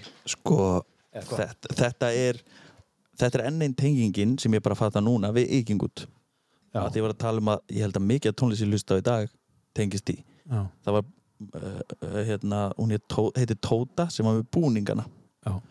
hún vissi að ég var eitthvað að fíla rapp Já. og ég var bara eitthvað svona batnið náttúrulega á tökustanum og það var eitthvað að reyna að láta mig hafa ofana fyrir mér Mhm. þegar það var ekki verið að taka og hún let mig fá bistibústyrka sem held að sonurinn eða einhver Mhm. og ég bara "What?" og eitthvað svona og byrja að Beastie Boys og bara eitthvað að fíla líka hvað að sífa bara þetta er bara að svipa á og eitthvað Mm. Fæ pening, kaupi svona sapplötu, þá er þetta fyrsta lagið á sapplötunu og ég held að þetta sé fyrsta lagið sem þeir gera. Eða, ta- eða bara sem, eða kannski ekki sem þeir gera en þeir eru upptökur greinilega algjörúlinga pjakkar þarna sko. Já. og ég bara var bara já, úst, ég, eins og ég úst, ég var ekkit kannski svona ég var ekki að fara að spila þetta skilur eða Nei. vera með svona læti. En ég var samt inni mér var ég bara, úst, ég var að byrja úst, þegar ég svona 10, 11, svona 11, 12 ára þá var ég bara að hlusta þetta og ég er að byrja að vera bara spólgraður úlingur. Og ég er að vera bara mér finnst- ég er á móti öllu skilur og af hverju er þess að segja þetta? Ég var ömulega pyrrandi við kennara og svona, bara því ég var bara eitthvað, af hverju ég challengeaði bara allt. Er skoðanur öll bara skoðunar öllu, ég var mjög ljúfur skilur og kurteis við húst, fjölskyldu og, og húst, og pappa bara mjög góður einhver, svo fór ég í skólan og var bara húst, það, það er ekkit yfirvald hérna sem er, er mér af hverju að láta mig gera þetta og þetta ég þarf ekki að læra þetta og þetta. Og Þið eru svona anarkí bara smá anarki, ég fór ekkert beint kannski í svona útlýslega pælingar ég fór í eitthvað svona punk-look eða ég, veit ekki ímúlook, ég veit ekki eitthvað. Já. en ég var bara, húst við heldum sko mótmæla daga í skólan alltaf á 50 segirðu? Ha? við, vorum bara, við förum inn að fyrir utan kennastofun og bara mótmælum. Hverju voru að mótmála? einhvern tíma voru að mótmæla bara þú veist, einhverju rútuferði í sund að hún hefði einhver, einhver bílstjóri nauðhemlað og við hefum næstu í dáið eitthvað sem gerðist þetta var bara einhvern veginn algjör og, og þetta lag bara sumur það svolítið upp fyrir mér þetta, þetta Beastie Boys með Beastie Boys þetta er bara þetta- grætt ég ég hugsa ekki um neitt annað en bara stelpur, hvað, hvað er þetta að gera og hérna, hvernig maður ætti að fá eitthvað nammi í sjöpunni sko Þetta er rosalega. dýrka þetta lag Já. En hlustar á þetta lag í dag? Eða er þetta bara lag sem að þú svona, Ég þetta er ég? ég held ég grípi til þess stundum þegar ég er Já. eitthvað svona ég kom eitthvað svona pepp í mig og ég er Já. svona og kannski Já. maður er að fara að taka ykkur umræði sem maður finnst óþægilegt Já, já. bara, heyrðu, ég ætla bara að segja mínu skoðun já. Skilurðu? Og þá setur kannski þetta á í þessa, þessa mínútu Já. og svo kemur inn og segir bara, herri, ég bara, ég er að móti þessu hérna. algjörlega, ég, ég, ég hef gert það ég Já. mæti kannski gera meira því en þú veist, ég hlusta ábygglega meira heldur en ég gerði þá sko. Já. Já. og svona, ef maður pælir í því, að þarna veist, bara hækka vel í þessu og vera bara að brjála þér inn í bíl sko. Þetta er alveg einstakt sko. Herði, við hefum tvö lög eftir af, af þessum frábæra listaðinum af því að hann er eins og segi, hann er út um allt og hefði geta verið 9 to 5 með Dolly Parton líka um, uh, Jolene hefði reynd að passa þinn á hann lista Já, en, en, en 9 to 5 hefði brotið hann algjörlega upp en mér er svo skemmtilegt hvað þú ert út um allt með tónlist og þú ert að hleypa tónlist svolítið að þér sko. já, já, já. Hvað erum við að tala um? Við um tvö svolítið, já, við tvö svolítið, öð, sko, það er ekki alveg að tengt þessi lög, mjög ólík lög eftir. Þau eru á mjög mismundi skala og fyrir mig líka bara, þú veist um, ég svo ættum að byrja á rólegra læginu Já, og, og hérna þessi hérna.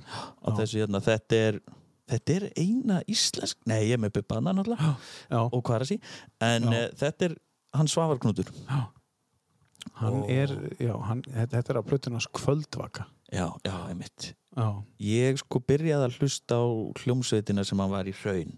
Mhm. Uh, og sem tengist bara bróðum mér með Eyvindi og hann var eitthvað með þeim alltaf og, og þeir voru alltaf að spila Rosenberg og bróðum mér var þar.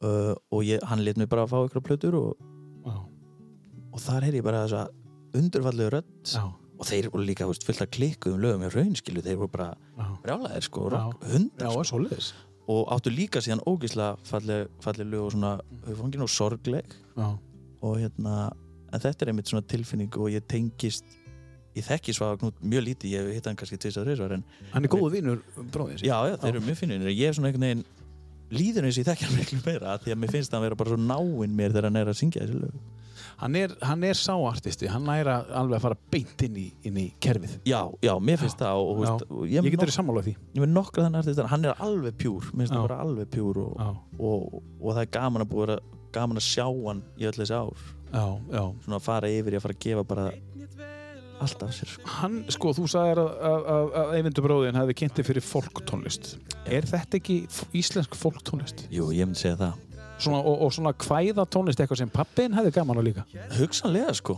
Ég hérna, hef aldrei kynnt hann fyrir Nei, þessu en, en veist, eins og þetta lag þetta er bara svona, ég hef alveg leið upp í rúmi og verið að leiða mér að vera bara að finna allan tilfinningaskalan og hlusta þetta lag sko. í einhverju svona, kannski einhverju dramakasti sem Já. átti ekki rétt á sér líka bara einhverjum pælingum sko. hvaða dramakast á ekki rétt að sér? Ég segi Það. Það, eru tilfinningamæður þar kemur þetta út en ég, ég alveg dýrka svo Agnút og mér finnst það bara einn af okkar bestu lagasmiðum sem við eigum. Og opbóslu textahöfundur og rosalega góð textaðandur og hérna og hann, eins og segi, ég held þekki hann ekki en ég held hann leiði sér bara að vera alveg pjúr. Alveg pjúr hann sjálfur. Já, og það er kannski mest af öllum á þessum lista svona já þannlega séð, Og skín í gegnum tónlistinans algjörlega. Heyrum þetta, heyrum þetta lag hér eða svona því undir Birki 3 kvöldunni eða plötunni kvöldvaka með svo að var í knúti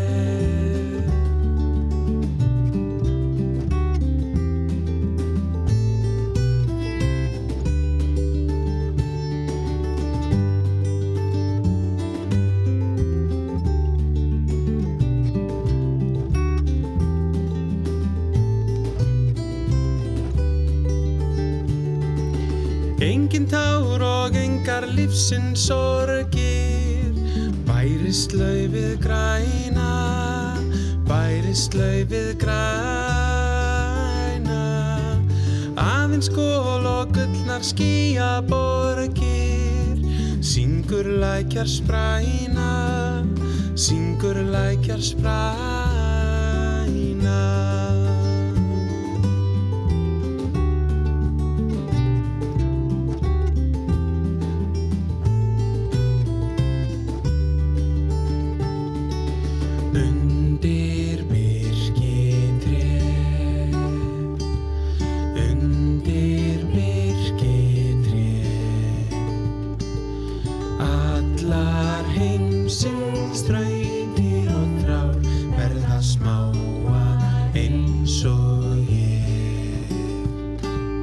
Undir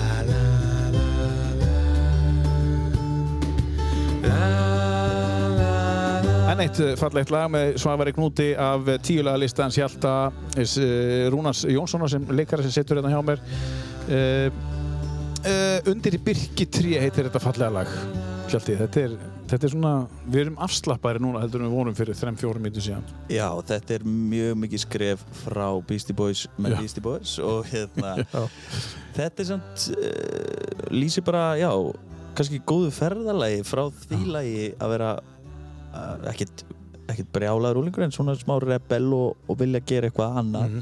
Yfir í það að vera að pæla virkilega í sínum eigin tilfinningum og díla við eitthvað sem að þú ger, gerir undir Birki 3 kannski og Þú ert, þú ert alveg opinn fyrir tilfinningunum í dag að skinja þig þú, bara, þú getur talað um það rópskátt Ég get gert það og ég, ég hugsa ég tengi það mikið við móðu mína, hún hefur mikið svona tilfinninglegt uppeldi. Hennar hefur verið, veist, á mér bara, hún hefur alltaf viljað halda mér nálagt mínum tilfinningum. Að ég fari ekki langt ræðin, það hefur alveg komið tíðanbila þess að ég hef síðan bara kaffært þær sem kannski úlingu bara að vera að pæla í einhverju öðru og vilja ekki vera asnalegur eða eitthvað og þá hafa þær farið undir. En síðustu ára hefur bara verið mikið vinna í því. Þegar þú varst að leika í Íking út nýja ára Mm. og þú fóst í, hérna, í inntökuprófið og þá varstu, varstu beðin um að gráta. Já. Gastu grátið á þessu tímabilið þar sem þú varst búin að segja bara fuck it, allt saman hérna. Vera, vera, ég er bara hérna anarki og bara varst að setja út á einhvern gauð sem var að skuttla þér í sund og eitthvað mótmæltir því og eitthvað. Gastu þá líka grátið, varstu þá jafn mikið til, tengslu við tilfinningarna þín eða slögtur þér svolítið á því einhver tíma?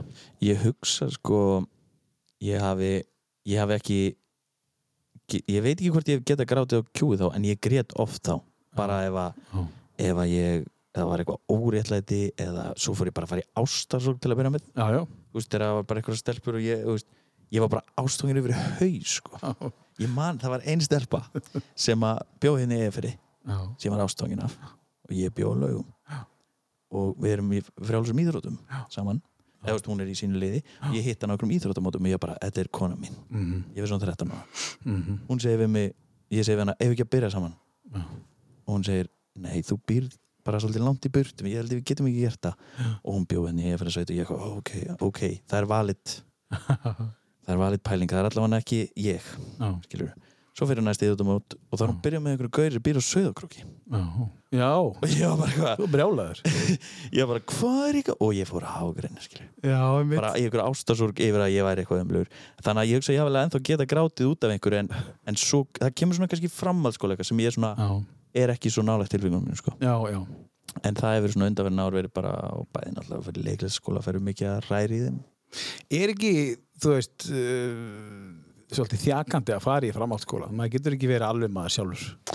Þú þarfst að fylgja svolítið einhverjum, einhverjum súrrealískum, ömulugum stefnum. Jú, ég hugsa, ég, ég þá þarfst að slökka á einhverju svona. Algjörlega, ég hugsa maður svona, veist, ég fór reyndar veist, í mjög lítinn framhaldsskóla framhaldsskóla lögum, Já, þannig að það var kannski svona öðruvísi stemningar, það var ekki mikið press á að vera einhvern veginn og hins einn sko. En ég held ég hafi gert þetta ég held að það eru meira ég sjálfur að reyna bara að að fara inn í eitthvað, veist, að finna eitthvað annað til að gera, veist, að því ég var búin að vera mjög tilfinningarnæmur og svona, þú veist, og reyna bara, hei, ég ætla bara að að gera eitthvað skemmtilegt og ekki pæla í neinu. Mhm. og hætti bara, hætti að kannski hvarf kannski eitthvað svona metnaður eitthvað, ég var bara, var bara að hafa gaman og djama og vera skemmtilegt, skilur þannig að ég hugsa að að það geti tengst tí en, en vissulega að fara í framhaldsskóla á þessum tíma þegar maður er úlingur Já. allavega á þeim tíma vona, maður vona alltaf að sé eitthvað að vera betra og betra. Já, en ég held að verði alltaf trikki að reyna að finna út hver þú ert og hvernig þú ætti að díla við tilvinningar Já, ég held að sé erfitt uh, að fá bara að vera maður sjálfur í framhaldsskóla. Að það þarf einhvern sérstakann karakter í, í að bara taka það skref. Það þarf einhvern bara algjöran bara I don't give a shit. Og ef þú ert of mikið þú sjálfur Mm. Þá er mögulega að færi stempilin bara og setja eitthvað skrítin. Já, ég hugsa að það verið mikið af fólki sem að ég taldi vera skrítið Já. og aðrir í framhaldsskóla var bara reynlega það sjálft sko. Einmitt. Og, uh, og það er bara veist, það er svo geggja, það, það á að veita manni innblástur skilur Já. En það er ennþann dag í dag, maður er ennþá að upplifa það svo er en eldri en framhaldsskólaldur að, að, hérna, að þú veist að, maður er ennþá að upplifa það ef maður er í samskiptum við einhvern einstakling sem er opbóðslega svona uh, hjartalýr og, og, og nálat sjálfum sér og segir bara aðra hluti en einhver annar Já. þá er að tala um aftur sem er ekki á yfirborinu Já. þá er opbóðslega margir sem að, þegar maður fer að tala um þann aðra við einhver aðra þá hafa þeir skoðan að hann er eitthvað skrítin Já, maður það er opbóðslega mikið um þetta. Það er rosa mikið um þetta. Rosa veist, þetta, er, þetta er mjög mikið, veist, ég ég við og þú veist, nú er ég bæði til þess að í Reykjavík og út í sveit og svona, mér veist, ég er ekkert eitthvað brjálaði á mikið, þú veist, heyri, hann fór bara þarna maður heyri bara meira sögum, veist. Heyri, hann fór bara þarna og hann var bara með, með þessum þarna og maður er eitthvað svona, hvað er það að pæla í þessu? Skilur, hvað, er böggið inn í ykkur sem lætur ykkur, veist, eitthvað langar ykkur að gera þetta líka eða, Akkur er það að velta þessu fyrir þetta, eins og þú segir, þetta virðist alveg vera á fullu ennþá, skilur Já. en um, Ég held að þetta, breytist ekki fyrir en þú ákveður að breyta þessu, alveg saman hvað þú gammal. Algjörlega, og þú verður bara að fatta þetta fyrir þig, það er mjög erfitt að segja fólki að breyta þessu, sko. Eins og með allt, þú veist, þegar fólk eru upplifið einhver stóra breytingar. Annarkvort kemur eitthvað fyrir eða þú bara Já, já. upplifir eitthvað. Ertu búin að fyrirgefa þessar ungu stölkuðin í Eifrasveit og, og þú náðu að vinna úr því alveg? Ég er að ná að komast yfir þetta núna og hérna Nei, ég bara, ég held hún sé bara að lifa góð líf í dag, sko, ég líka þannig Já, er gott að hún fór frekar hann á, á Söðagrokk, sko. Já, já, hún býr það núna. Nei, hún Nei, nei. hætti með þessum gæði, það skildi hann ykkur Já, það skildi hann eftir. Byrjaði að með ykkur um að kamstanga Já, lengra frá. Herðu, uh, framöndan árið, uh, svona árið fyrir að ljúka þessu, uh, framöndan árið þér um, og svona hvernig það er Mhm.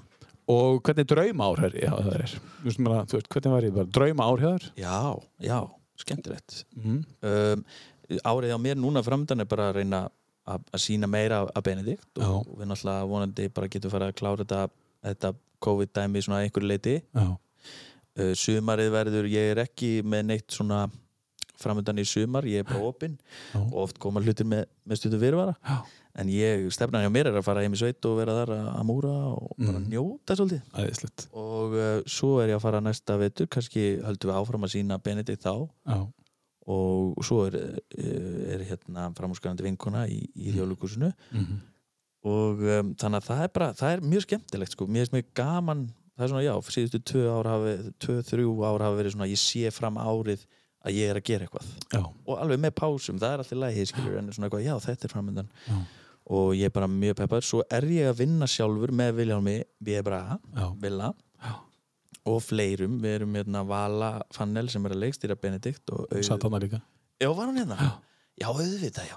Og auður ösp. Já, hún er að koma næstu viku. Já, einmitt, við, Það næstu viku. við þurfum öll að vefa Við erum svolítið mikið að vinna Það saman. skrítið að þið hittist á, sömu vikuna bara. Já. Það ekki, já. Við erum svolítið öll að vinna saman að ákveðnum verkefnum og erum í svona hóp og, og Já. fleiri. Já. Og hérna okkur, við hérna, sérstaklega og við erum svona að vinna að ákveðnum verkefnum núna sem okkur langar að fara að stað með Mhm. og þá bara kemur að styrkja umsóknum okkur langar að fara svolítið út og við erum já, komin svolítið langt með ákveðnar hugmyndir í því Já, það er frábært. þannig að það er svona, það er eitthvað sem ég get ekkert gefið út eins og hitt en, en það er mjög spennandi og drauma ár er sko ég, ég er alveg mér er mjög gaman að vinna mikið Já. þannig að drauma ár núna allavega væri kannski að vera bara, það er bara verkefni og það er smá draumur á mér líka að vinna verkefni fara beint í annað verkefni. Þannig að þú, veist, þú þróir alltaf leiki það, mér er svolítið, þú veist, þegar ég byrjaði að leika eftir útskrift þá kannski leiki einu verkefni og svo beið ég í þrjá fyrir mánuði og leik sem einhver öðru eða beið, eða veist, fe- var ekki að gera neitt annað. Og þá fannst mér oft svona erfitt að koma aftur inn maður það er svona að Já. keira sig upp í eitthvað En þarf maður ekki pásu? Þó hún sé ekki kannski þrý, fjóri mánuðir, en þarf maður ekki smá kvíld eftir... Jú, jú, ég held að maður þurfi alveg Já. pása eftir þetta en ég á ennþá eftir, mér langar svo mikið að taka verkefni beint í annað verkefni til svona að finna Já. Mm. það og finna hvernig leikurinn þróast og nálgunin þín á einhver mismundi verkefni en svo þarftu, þú annars brennur bara út eða þú tekur ekki Mögulega er það að fara að gerast núna þessu ári með að þið sko...